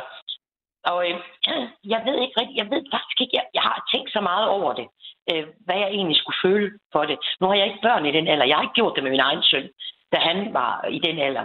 Mm. Men, men jeg ved også, at der er nogle børn, der føler, at mistilliden vokser. Og det tror jeg altså dels sker, hvis man er øh, i 9. klasse i hvert fald. Jeg tror, det er vigtigt. Jeg tror, hvis jeg skulle gøre det her, altså med børn i 6. klasse, så ville jeg tale med dem om det. De skulle vide det som nummer et. Og som nummer to, så tror jeg, øh, at det er vigtigt, at man i 6. klasse får en snak med sine børn om, hvorfor gør vi som forældre det her? Hvor, hvorfor? Så den næste 9. klasse børnene, der tror jeg nok, der skulle være en grund, hvis jeg som forælder skulle gøre det. Den grund kunne være, at jeg som forælder føler, at der er noget, der sker et eller andet omkring mit barn, som jeg ikke har set før. Et eller andet, der gør mig nervøs. Så tror jeg måske godt, jeg kunne finde på det. Men mistillid, den er jo den er, den er meget, meget svær. Mm. Fordi børn skal jo også selvstændiggøres. Og hvis de hele tiden skal gå og tænke, uha, øh, det kan jeg ikke klare det her, så sker der også et eller andet. Så, så jeg, jeg står og vejer frem og tilbage, men en ting er i hvert fald vigtigt for mig, at hvis jeg skulle gøre det med 6. klassebørnene, så vil jeg tale med mine børn om det. Jeg vil tale med begrundelsen omkring det. Jeg vil også, som med 9. klassebørn, jeg tror ikke, jeg ville gøre det uden, at jeg følte, der var et eller andet med min, med min teenagebarn, der var anderledes. Mm. Øh, hvor jeg så ville gøre det for, at, at mit teenagebarn ikke skulle komme i noget skidt med nogle øh, mennesker af en eller anden art. Mm. Jeg tror, det er der, jeg står meget kraftigt i hvert fald. Men vi bliver jo overvåget hele dagen. Siger jeg, at jeg gerne vil have en campingvogn om lidt, jamen så får jeg jo tilbud på campingvogn på Facebook. Så overvågningen er der jo på en eller anden måde også. Mm. Altså, men, men det er da rigtigt, at det er at tage en skridt nærmere. Det er vi, eller mere i, i den her teknologi. Så jeg står sådan meget splittet i det. Men, og jeg er også bange for, at nogle forældre måske kunne, kunne komme til at udnytte det. Jeg vil faktisk kort lige fortælle til sidst her. Jeg spurgte, jeg talte med en her for tid siden, hvor jeg spurgte hende lidt om det, vi kom til at snakke om det, og det var en ung pige. Så sagde hun til mig, øh, Elisabeth, hvis mine forældre havde, havde, havde GPS'et mig, så havde de fundet ud af, at jeg havde en psykisk lidelse meget tidligere. Så siger jeg, hvad mener du med det? Jo, så har de fundet ud af, at jeg ikke var i skole. Jeg var i skoven i stedet for i skolen. Mm. Og så det er jo også, det er jo også en ting. Altså, det, er, det, jeg var sådan helt kuldegysende, da hun fortalte det. Mm. Fordi det var mine forældre, det var mine forældre ikke opmærksom på. De havde travlt i hverdagen. Men, men, men det er jo bare et eksempel ud af mange. Men, men det er jo rigtigt nok med damen der med de her to med tvillingepiger, at jeg tror ikke, jeg vil kalde det hønemors omsorg. Jeg vil kalde det bekymring i, den verden, vi lever i i dag. Mm. For den er anderledes, hvis vi går tilbage.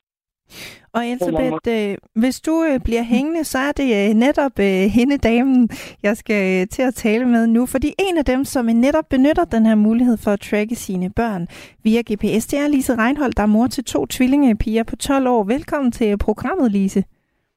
Tak for det. Hvordan tracker du øh, helt konkret dine døtre? Altså, hvad kan du følge med i? Jamen altså, jeg bruger jo en konkret uh, app, der er designet til formålet, men som i virkeligheden minder utrolig meget om uh, Find My iPhone. Man kan i virkeligheden bare se, hvor deres telefon er. Øhm, så er der lidt andre finesser omkring, at man kan, øh, man kan få notifikationen, når de kommer for eksempel til skolen eller til hjemmet. Det kan man, det kan man indstille det efter. Men i bund og grund er det som Find My iPhone. Og øh, hvorfor, hvorfor gør du det? Jamen oprindeligt så, øh, så gjorde vi det som forældre for at kunne lade børn øh, give sig afsted på egen hånd øh, relativt tidligt, øh, eksempelvis øh, når de skulle i skole. Øh, så havde vi mulighed for at, at se, om de nåede, noget frem, øh, og vide om, ja, om de kunne håndtere den, øh, den situation, det nu var, og gøre det tidligere, end vi ellers ville have gjort det. Og på den måde, så, så øh, øh, mener jeg jo bestemt, at vi faktisk er med til at, og stadigvæk er med til at selvstændiggøre dem i, Ja, faktisk tidligere og i højere grad, end vi ville have gjort uden den her app. Hvad, hvad, hvad kan, bruger du den øh, helt konkret til? Altså har der været nogle øh, bestemte eksempler, hvor du har været glad for, at du har kunne følge med i, øh, hvor dine døtre har, har befundet sig? Jamen altså, det er jo sådan i de praktiske øh, dagligdags gørmål, at jeg anvender den. Øh, eksempelvis hvis de skal cykle øh, et nyt sted hen på egen hånd, hvor de ikke har været før. Øh, og jeg bruger den også ofte til at se, om, om de er kommet frem øh, i skole. Jeg, jeg tjekker det øh, på ingen måde 24-7. Det er en mulighed, der, der ligger der, men, men det er... Øh, det er ganske få gange, jeg i realiteten bruger den. Øh, og jeg har heldigvis ikke været udsat for, øh, hvad skal man sige, en meget alvorlig situation, hvor jeg havde brug for hurtigt at finde ud af, hvor de var. Men det er naturligvis også derfor, jeg har den, fordi jeg mener, det er mit ansvar som forælder at udvise den rettidige omhu. Jeg synes, det er at have den her installeret, hvis det skulle blive aktuelt og kunne rykke hurtigt ud. Hvad for nogle overvejelser har du gjort dig i forhold til det her med at kunne følge med i din døtres liv på den måde? Jamen, jeg har da gjort mig øh, en masse overvejelser, ikke mindst i forhold til, øh, hvad giver det også fordele i forhold til de ulemper, der måtte være ved det. Og vi har, vi er kommet frem til i dialog med pigerne, at det giver os øh, langt flest øh, fordele. Det er selvfølgelig også som forældre, der har afgjort, at vi bruger den her app, men det er selvfølgelig en, en dialog og en samtale med børnene om, hvad vi bruger den til, og hvordan de også kan bruge den. Øh, for de kan jo også øh, se, hvor vi er. Men, men det er det her tryghedselement, det giver både os øh, og børnene. Og så har vi selvfølgelig også overvejet, øh, øh, ja, altså det her med, i hvor høj grad øh, det kan påvirke deres selvstændighed. Og vi er altså kommet frem til, at det faktisk er et plus øh, i forhold til deres selvstændighed. For godt nok kan vi se, hvor de er, hvis vi vil. Men vi kan jo på ingen måde se, hvad de laver. Så der er jo stadigvæk masser af rum til at lave ting, som, øh, som vi som forældre ikke, øh, ikke ved noget om. Og så vil jeg jo sige, at hele fundamentet for, at vi bruger den her app, det er jo netop dialogen omkring det, og så den tillid, vi har til, at børnene har appen tændt, og så på, at den grund kan få øh, lov til en række øh, ting, øh, som vi ellers ikke ville give dem lov til. Lige så vel som at vi har tillid til, at de overholder de aftaler, vi i almindelighed øh, laver med dem i forhold til at komme øh, hjem øh, til, til den tid, vi har aftalt, og også øh, overholder, at, øh, hvor, hvor de er henne, hvad vi har lavet aftaler omkring øh, det. Mm. Ifølge en øh, analyse fra Børns Vilkår, så føler hver femte elev i 6. klasse sig overvåget af deres forældre via øh, telefoner. Mener du selv, at, øh, at I overvåger jeres døtre? Jeg kan sagtens se, at det er en mulighed for at overvåge børnene, når man bruger de her apps og bruge det som en, ja, som en adfærdsregulerende øh, ting. Men, men det vil jeg bestemt ikke mene, at vi gør. Altså, vi har et, øh, en tryghedsskabende aftale om at bruge den her app. Og øh, jeg ser det på ingen måde øh, som, øh, som overvågning. Jeg er helt opmærksom på, at det er en faldgruppe, man kan øh, falde i, og som vi for alt i verden skal, skal undgå i lighed med en række af de andre vilkår, eller undskyld, øh, forhold, som øh, børns øh, vilkårsundersøgelse viser. Kan du være bekymret for, om det her øh, kan påvirke øh, dit forhold til dine børn negativt på længere sigt? Det er da bestemt øh, noget, jeg er opmærksom på, og øh, jeg er helt opmærksom på, at man jo for alt i verden skal, skal, skal undgå en digital, digitaliseret relation på baggrund af apps eksempelvis. Men jeg synes jo netop ikke, at, at det bliver digitaliseret, for jeg ved jo ikke, hvad de har lavet. Jeg har mulighed for at se, hvor de har været henne, men vi tager jo masser af samtaler om, hvad de laver i løbet af dagen. Øh, og det er som sagt heller ikke ret tit, vi bruger af appen øh, helt konkret. Men, men vi har jo masser af dialog. Vi har dialog om, øh, om den her app. Det er bare en lille ting, men vi har jo dialog løbende om, om alt, hvad de laver og foretager sig. Og øh, det er jo mit ansvar som forælder og øh, hvad kan man sige, at træffe beslutninger om, øh, hvad der er godt for, for mine børn. Og derfor har vi selvfølgelig dialog om, hvad de gerne vil, og, og hvad vi finder rimeligt, at, øh, at de må og kan. Mm. Og hvor længe har I så tænkt jer øh, at blive ved med at følge jeres døtre på øh, GPS? ja, altså det, det er jo mulighed for dem øh, at slå det fra, øh, også på nuværende tidspunkt. Det har de fuld styr på, hvordan man gør, men, men øh, det har vi faktisk det har vi også talt om, og de kan ikke øh, se nogen grund til at, at slå det fra lige nu. De oplever også en stor tryghed ved at bruge den. Øh, og jeg tænker umiddelbart, at vi fortsætter, altså indtil, ja, så længe de bor hjemme. Men som sagt, det er jo noget, vi er i dialog om, så skulle der komme med perioder, hvor de synes, det er uhensigtsmæssigt og, og irriterende at bruge den, så, øh, så er det bestemt også åben øh, over for det. Lise Reinhold, tak fordi du havde lyst til at være med i, i programmet og fortælle om det her. Selv tak. Og øh, du kan altså også være med i programmet for netop at tale om, øh, om det her med at GPS-overvåge børn, om det er kærlig omsorg, eller om det er at tage teknologien lige et skridt for langt. Det kan du ved at ringe ind på 72 30 44 44, eller ved at sende mig en sms på 1424. Det er der en fra Fyn, som har gjort, han eller hun skriver, hvis behov prioriteres, ikke børnenes curling, når det er værst. Og Annette, hun skriver, lad nu børn og ganske unge mennesker udvikle sig naturligt. Lad dem lære at bruge deres sunde fornuft og også lære deres fejltagelser. Dette er ikke omsorg, det er omklamrende overvågning. Ingen bliver selvstændige individer ved al den GPS-kontrol. Og så er der øh, en, som skriver, hvis børnene har brug for far og mor, skal de kunne ringe. Du kan altså også byde ind på emnet her om GPS-overvågning af børn. Det er på 72 30 44 44 eller på sms'en 1424. Du lytter til Ring til Radio 4. I dag med Signe Ribergaard Rasmussen. Og inden nyhederne, der tog vi altså hul på i debatten om GPS-tracking af børn. Der findes nemlig et hav af apps med forskellige funktioner. Nogle sørger for, at forældrene får besked, når deres børn ankommer til og forlader skolen, mens andre lader forældre øh, indstille virtuelle grænser, som de så får øh, besked om, hvis børnene overskrider. Og den her mulighed bruger flere forældre, fordi det kan give en tryghed at vide, hvor ens børn befinder sig. Men omvendt så føler flere skoleelever sig overvåget af forældrene, og det kan have forskellige konsekvenser. Så hvad mener du om det her? Er øh, GPS-overvågning af børn kærlig omsorg, eller er det at tage teknologien et skridt for langt? Du kan være med i debatten. Du kan ringe ind på 72 30 44 44. Du må også gerne sende mig en sms, og det gør du på 14 24. Du lytter til Ring til Radio 4. Og så er I velkommen til dig, David, på 51 år fra øh, Næstved. Hvad mener du om, øh, om det her øh, med GPS-overvågning af børn? Altså er det omsorg, eller er det lidt for meget? Det er det, altså helt klart. Hej så. det, det er helt klart, det er for meget. Altså jeg synes, det går over Altså det er, det er at vise ikke tillid til vores unge mennesker, som vi har. Altså det er, altså, vi har det med dyr, ikke også, hvorfor dyr, alle dyrene skal, skal tippes og ting og sager, og så man ved, hvor de er henne og alt det, ikke? Altså, vi, vi går, altså, vi, vi er gået et par streger for langt. Uh, der er også det der med, at ældre, som der er dement, de, de får sådan en tag på, så de kan blive uh, sporet, ikke? Altså, hvor er vi henne? Uh, og, altså, vi, jeg, jeg synes, vi er gået for langt, desværre. Men... Der, altså, jeg, jeg, jeg, kan, jeg kan godt lide teknologi på den måde, at, at uh, til gavn for os menneskelighed. Men lige så snart, at, at det går over gevind, hvor at, uh, vi er faktisk robotter for den teknologi, som der, der kommer frem, så er det, at jeg sætter bremsen i. Men, men hvad er problemet øh, helt præcist ved at, at, at overvåge børn med, med GPS? Ja, det er ikke noget problem, det er kun en opgave. Altså, den her opgave er altid til for at blive løst.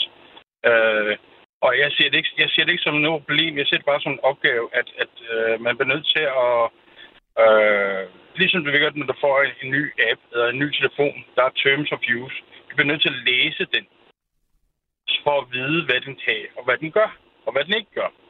Og, og jeg ved godt, at de fleste mennesker, de skoler bare ned og siger acceptere, uden at tænke over, hvad, den faktisk, hvad, hvad du accepterer til. Mm. Det, er, det er der, at det hele er, starter faktisk. Det er, at folk ikke sætter sig ind i de ting, de produkter, de øh, softwareprodukter, som de, de tilgår, det er, at, at de bare blindt skoler ned og siger acceptere, fordi at vi skal bare have det til at køre. Og det er der. Altså det er den der tid til, at man er nødt til at, at sætte sig ind i de ting, som man har i sin hverdag og sit liv. Mm.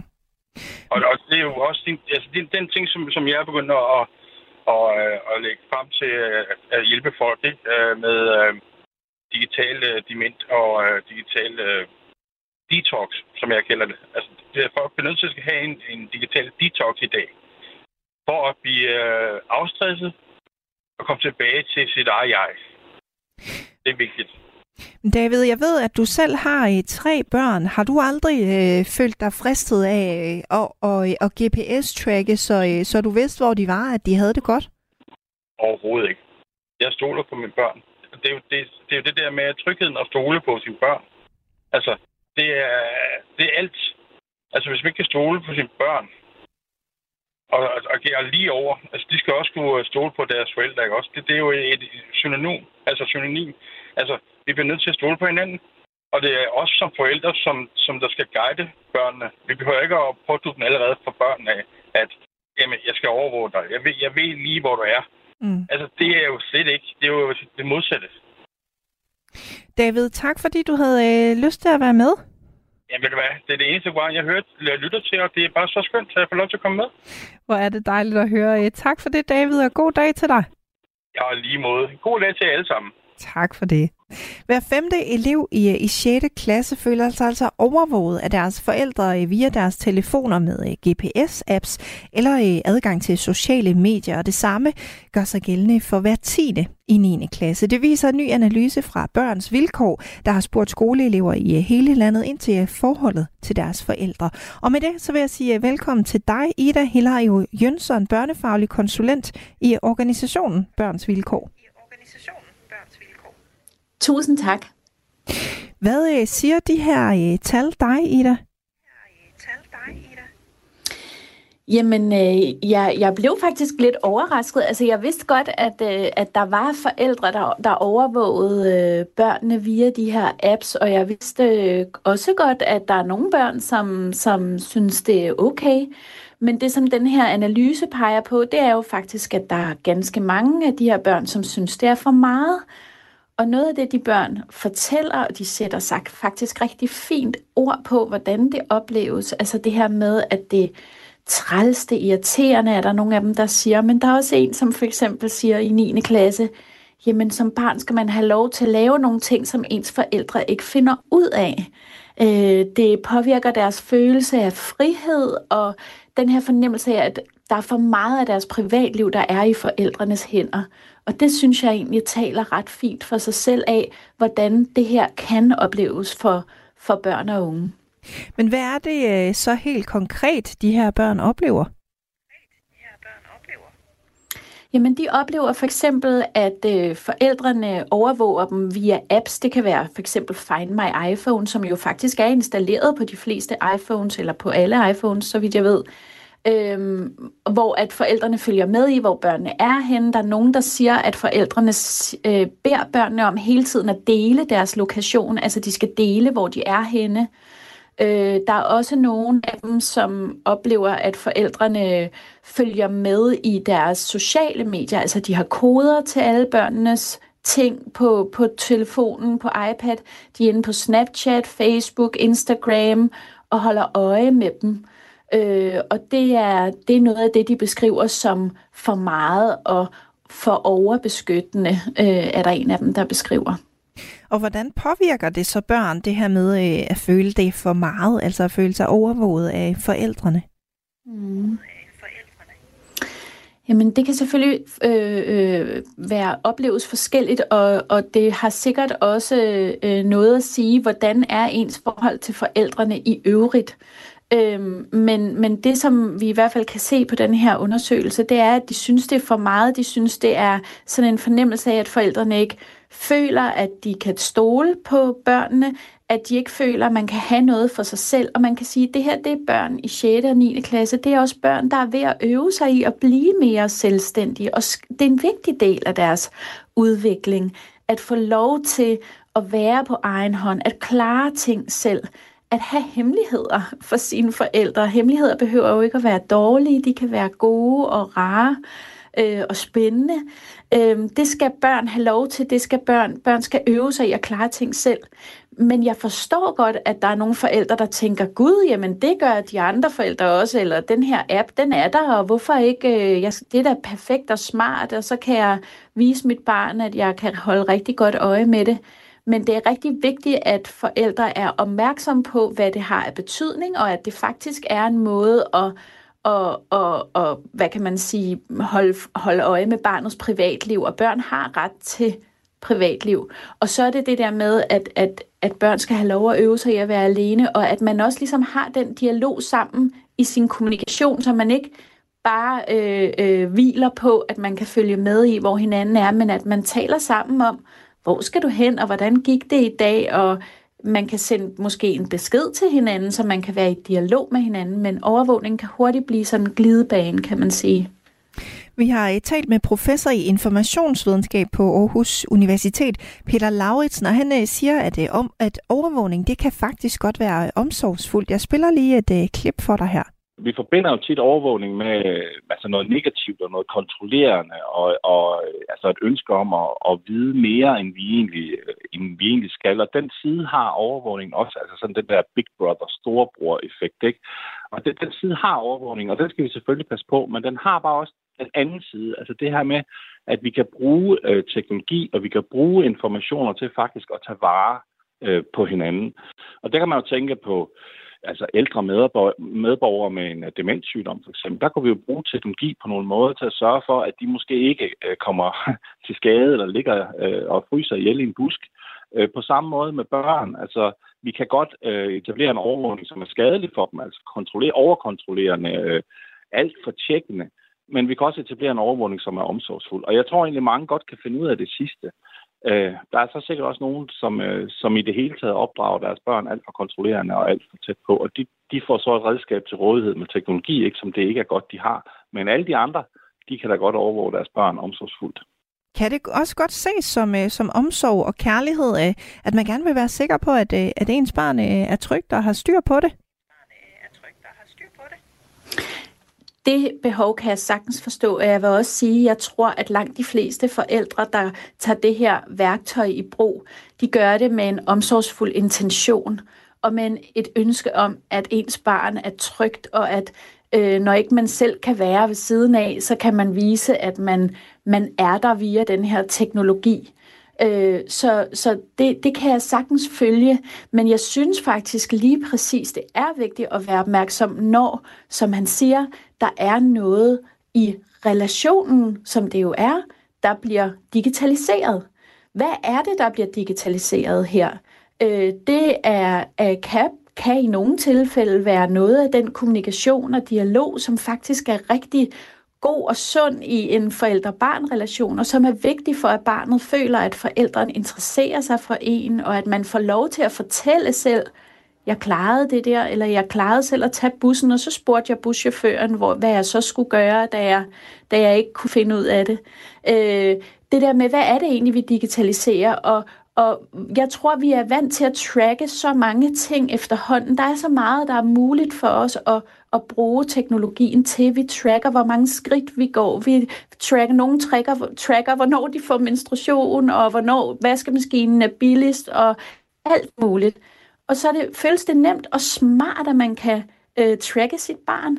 Men det er rigtig vigtigt at være opmærksom på, at det digitale, det må, det må aldrig øh, erstatte noget, som faktisk er super vigtigt i relationen, men også for børn og unges udvikling. Og det kan overvågning altså i nogle tilfælde godt komme til at gøre.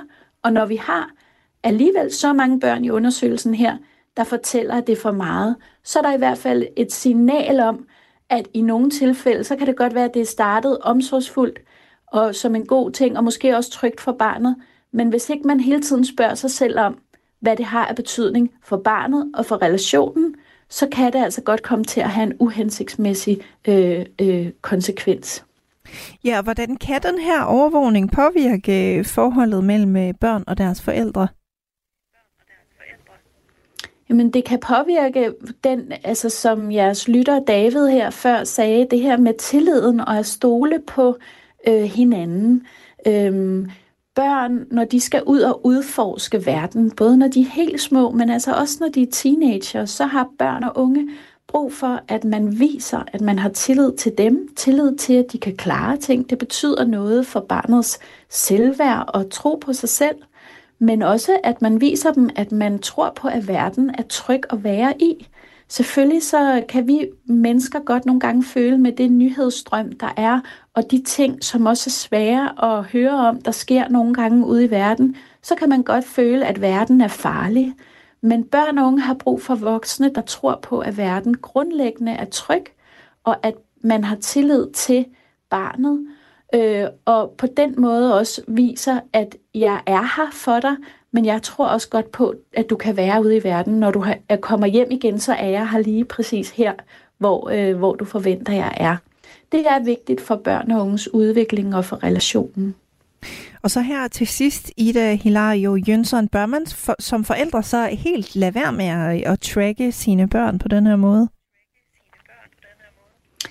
Altså, jeg synes selvfølgelig, at forældre er eksperter i deres eget liv. Jeg vil sige det sådan, at det ikke er et opdragelsesværktøj, vi anbefaler i børns vilkår. Øh, vi anbefaler, at man bruger dialog og øh, taler med hinanden og med barnet og inddrager barnet i, hvordan man laver nogle gode aftaler for sociale medier og for, når man skal øh, til fritidsaktivitet med bussen selv, eller hvad det nu kan være. Det er det, vi anbefaler, fordi den dialog er så vigtig både for barnets følelse af, at forældrene interesserer sig for dem, og at de er, har tillid til dem. Og det er faktisk også det, børnene selv efterlyser og anbefaler i undersøgelsen her. Ida Hilario Jønsson, børnefaglig konsulent i organisationen Børns Vilkår. Tak fordi øh, du var med og gjorde os klogere på analysen her. Det var så lidt. Og du kan altså også være med i programmet for at tale om GPS-overvågning af børn, om det er i kærlig omsorg, eller om det er at tage teknologien et skridt for langt.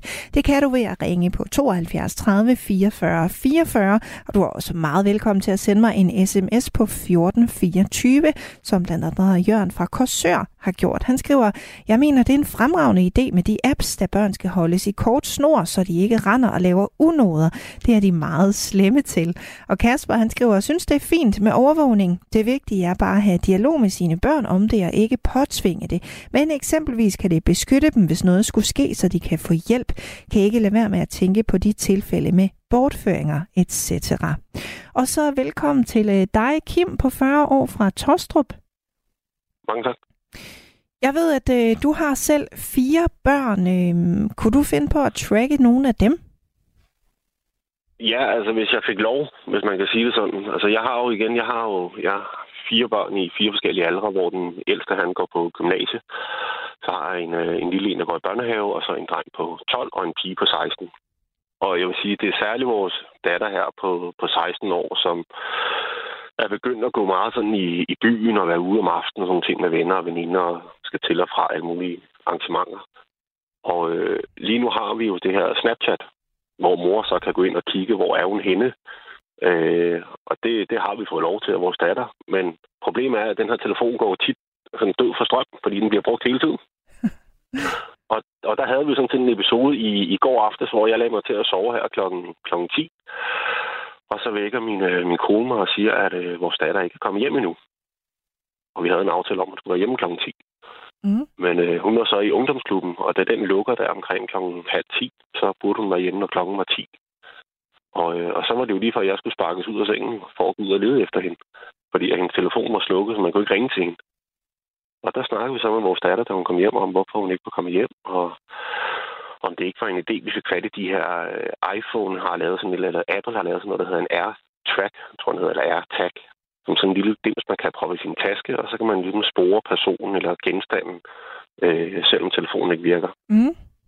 Og det synes hun jo selv sådan set var en god idé, fordi at jeg tror, det, det handler meget om, at man snakker. Altså overvågning er så meget, altså det er et negativt lavet ord. Øh, det handler om, at man snakker med sine børn om, det er for deres bedste, at man gør det her, og deres tryghed. Øh, vores datter render rundt nu her. Nu bliver det jo mørkt, og man render rundt udenfor. Og der er det egentlig rart for hende, synes hun selv, at vi ved, hvor hun er. Og så er det også vigtigt for mig lige at pointere, at vi, vi har ikke nogen øh, selvfølgelig har vores børn sikkert hemmelighed over for os, om at de har gjort et eller andet, de ikke skulle. Øh, og det er også fair nok. Øh, men det her med, hvor de er henne, der har vi ikke nogen, øh, altså de har ikke noget skjul over for os. Øh, vi er sådan set meget large som forældre, så længe vi ved, hvad de laver, så, øh, så blander vi os ikke i det. Øh, og det, og det tror jeg bare er vigtigt. Altså, jeg tror, det er vigtigt, at man, man snakker med sine børn om, at hvis de skal i byen, så vil vi egentlig gerne vide, hvor de tager hen. Øh, vi vil gerne vide, hvor de sover hen. Vi vil gerne vide, hvornår de kommer hjem. Mm. Og så skal vi ikke bestemme, hvor de tager hen, og vi skal heller ikke bestemme, hvor de sover hen, men vi vil bare gerne vide det. Så... Det har vi ligesom gjort meget ud af. Så du mener stadigvæk, at de har deres privatliv øh, selv, hvis I, øh, hvis I kan følge med? Øh, nu er det jo så på Snapchat for, øh, for jeres datter. Ja, det mener jeg. Altså, vi, fordi igen, altså, vi blander os ikke i øh, vores datter nu, når hun er begyndt at få kærester og sådan nogle ting. Øh, vi har selvfølgelig sagt, at hun skal ikke ligge og sove hjemme hos en eller anden øh, fyr, dreng, hun lige har mødt og sådan nogle ting. Øh, det snakker vi jo også om. Øh, men, men det gør hun heller ikke. Altså, hun, hun forstår det. Hun, hun ved det. Øh, og hun har ikke, altså, hun har på intet tidspunkt sagt til os i hvert fald, at hun ikke ønsker, at vi ved, hvor hun er. Øh, det, altså, jeg fornemmer ikke det der, altså overvågning, det handler om, at altså for mig så overvågning, det er noget, man gør, uden at man ligesom informerer, eller man ligesom, det, der er en eller anden skjult agenda med, at man gør det. Øh, det her, det, det synes jeg mere som en, det, det er en beskyttende, altså det er en beskyttende øh, adfærd, som, øh, som børn egentlig gerne vil have, tror jeg. Mm. Altså nogle børn selvfølgelig, og dem, der ikke øh, snakker med sine forældre om, hvad de laver, og de børn, der går ud og ryger sådan i smug eller ikke møder i skole og sådan ting, der er jo noget dybere bag det. Øh, og der hjælper overvågning nok ikke. Øh, der hjælper nok bedre at snakke med sine børn. Mm. Kim, øh, tak fordi du havde lyst til at være med. Jamen, det var så let. Og fortsat. Jo, tak, og i lige måde. Og du derude kan altså også nå at være med i nu, der ved at ringe på 72 30 44 44, eller sende en sms ind på 14 øh, 24. Og så vender jeg tilbage til vores faste lytter. Det er dig, Elsebeth. Det her, øh, det har jo været øh, en ting faktisk i 10 øh, år, at man har kunne, øh, kunne GPS-tracke på den her måde. Jeg ved jo, at det har du aldrig gjort øh, med din søn, men har du gjort noget andet for sådan at, øh, at øh, have en eller anden øh, tryghed i og vidshed om, at han ikke skulle blive væk fra dig, for eksempel? Jamen, vi har altid haft en aftale om, at vi ringe sammen. Altså, der har altid været den her aftale. Øh, du fortæller mig, hvor du skal hen, og vi kan ringe sammen. Ja, og han kunne godt finde på at ringe, hvis han var for sent. Og sådan. Den har vi altid tænkt meget om. Også. Øh, da han var mindre, øh, havde han en episode, vi var på bakken, der blev han lige pludselig væk. Ikke? Men der havde vi jo en telefonnummer på hånden, så, vi, så, han, så folk kunne ringe. Der var han ikke ret gammel, vel? Men, men, men vi har altid haft den der meget stærke, fortæl, hvis du kommer for sent hjem, eller fortæl mig, hvor du tager hen. Og jeg synes, det jeg lytter mig til her, jeg sådan har siddet og tænkt meget over tingene, det er, dem, de mennesker, der siger, at det her, det, det er curlingforældre, og det er simpelthen omklammeri, det er jeg ikke helt enig i. Det er, der, der synes jeg virkelig, at der går man for langt, fordi det kommer an på, hvordan man bruger det her. Vi taler om forskellige måder at gøre det på. Mm. Og jeg tror, det er rigtig vigtigt, som manden, vi lige har talt, lige har talt her, sagde, man, det ene udelukker ikke det andet. Du skal selvfølgelig tale med dine børn om, hvad de laver i hverdagen. Det, det, det sagde hun jo også damen med sine tvillingebier der. Det udlægger jo ikke det, men jeg tror nok, hvis jeg skulle bruge det, så ville det være det her med, at du kommer godt til skole, men at man har talt med sine børn om det. At man gør sine børn klar. Jeg gør det her, fordi sådan og sådan. Og så var der en, der sagde, at man, verden skal være tryg at leve i. Det er også rigtigt, men det er den bare ikke helt. Mm. Og skal børnene vide det? Og hvornår er børnene voksne nok til at få det at vide? Fordi verden er ikke helt tryg at leve i. Og jeg synes, han sagde det meget fint, ham med hans 16-årige pige. Fordi han var nervøs for sin pige. Det kan jeg godt forstå. Mm. Det er jo en, en, en og, og hvis han snakker med, sin, med, med det her unge menneske om det her, og hun også føler, at det er okay, jeg forstår godt årsagen. Der sidder ikke en kamera op og kan se, om jeg kysser øh, Claus hen på hjørnet. Men, men du ved bare nogen, hvor jeg er henne. Mm.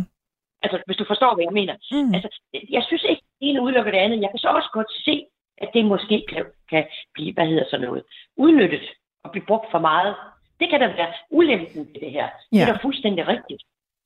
Men, men jeg synes bare, så længe man taler med sine unge mennesker om det, og sætter mm. sig ned og siger, hvad synes du om det her? For vi taler jo meget om, at de skal være selvstændige. Mm.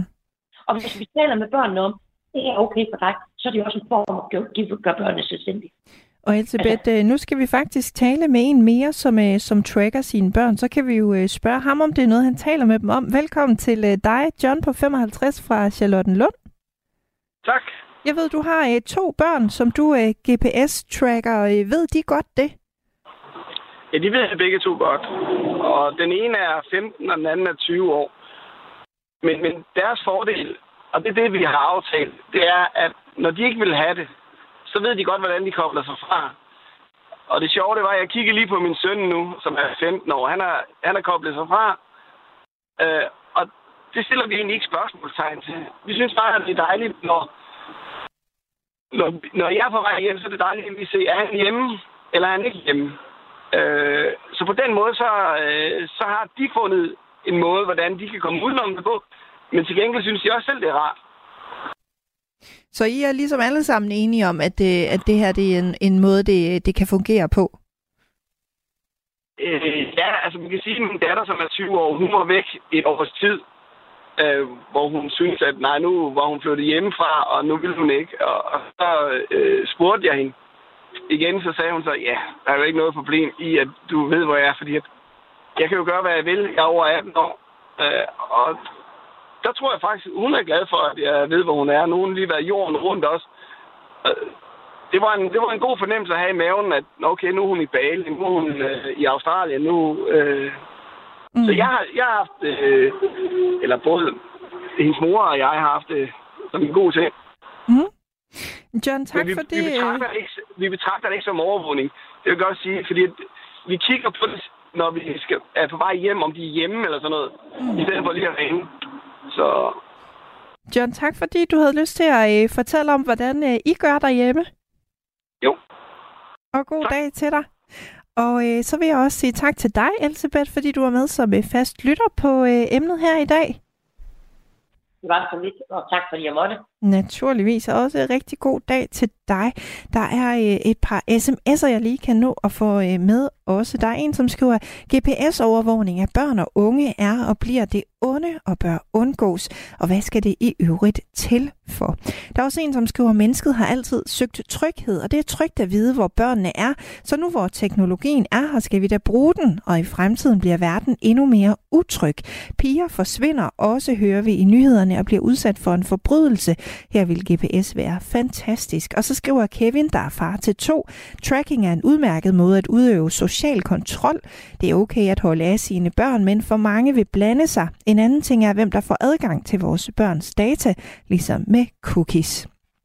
Og så gik tiden altså også på den her torsdag, og vi øh, må sige pænt farvel for i dag. Tak til alle jer, der har lyttet med og ringet ind og skrevet ind. Lige om lidt, så kan du lytte til Mandat her på kanalen, hvor det blandt andet skal handle om den nye bandepakke. Og så øh, sender Katrine Ejdom også de konservative og Søren Pape i en omgang parterapi. Vi lyttes øh, forhåbentlig ved igen i morgen her på kanalen. Det er klokken 9.05. Du har lyttet til en podcast fra Radio 4. Find flere episoder i vores app, eller der, hvor du lytter til podcast. Radio 4. Ikke så forudsigeligt.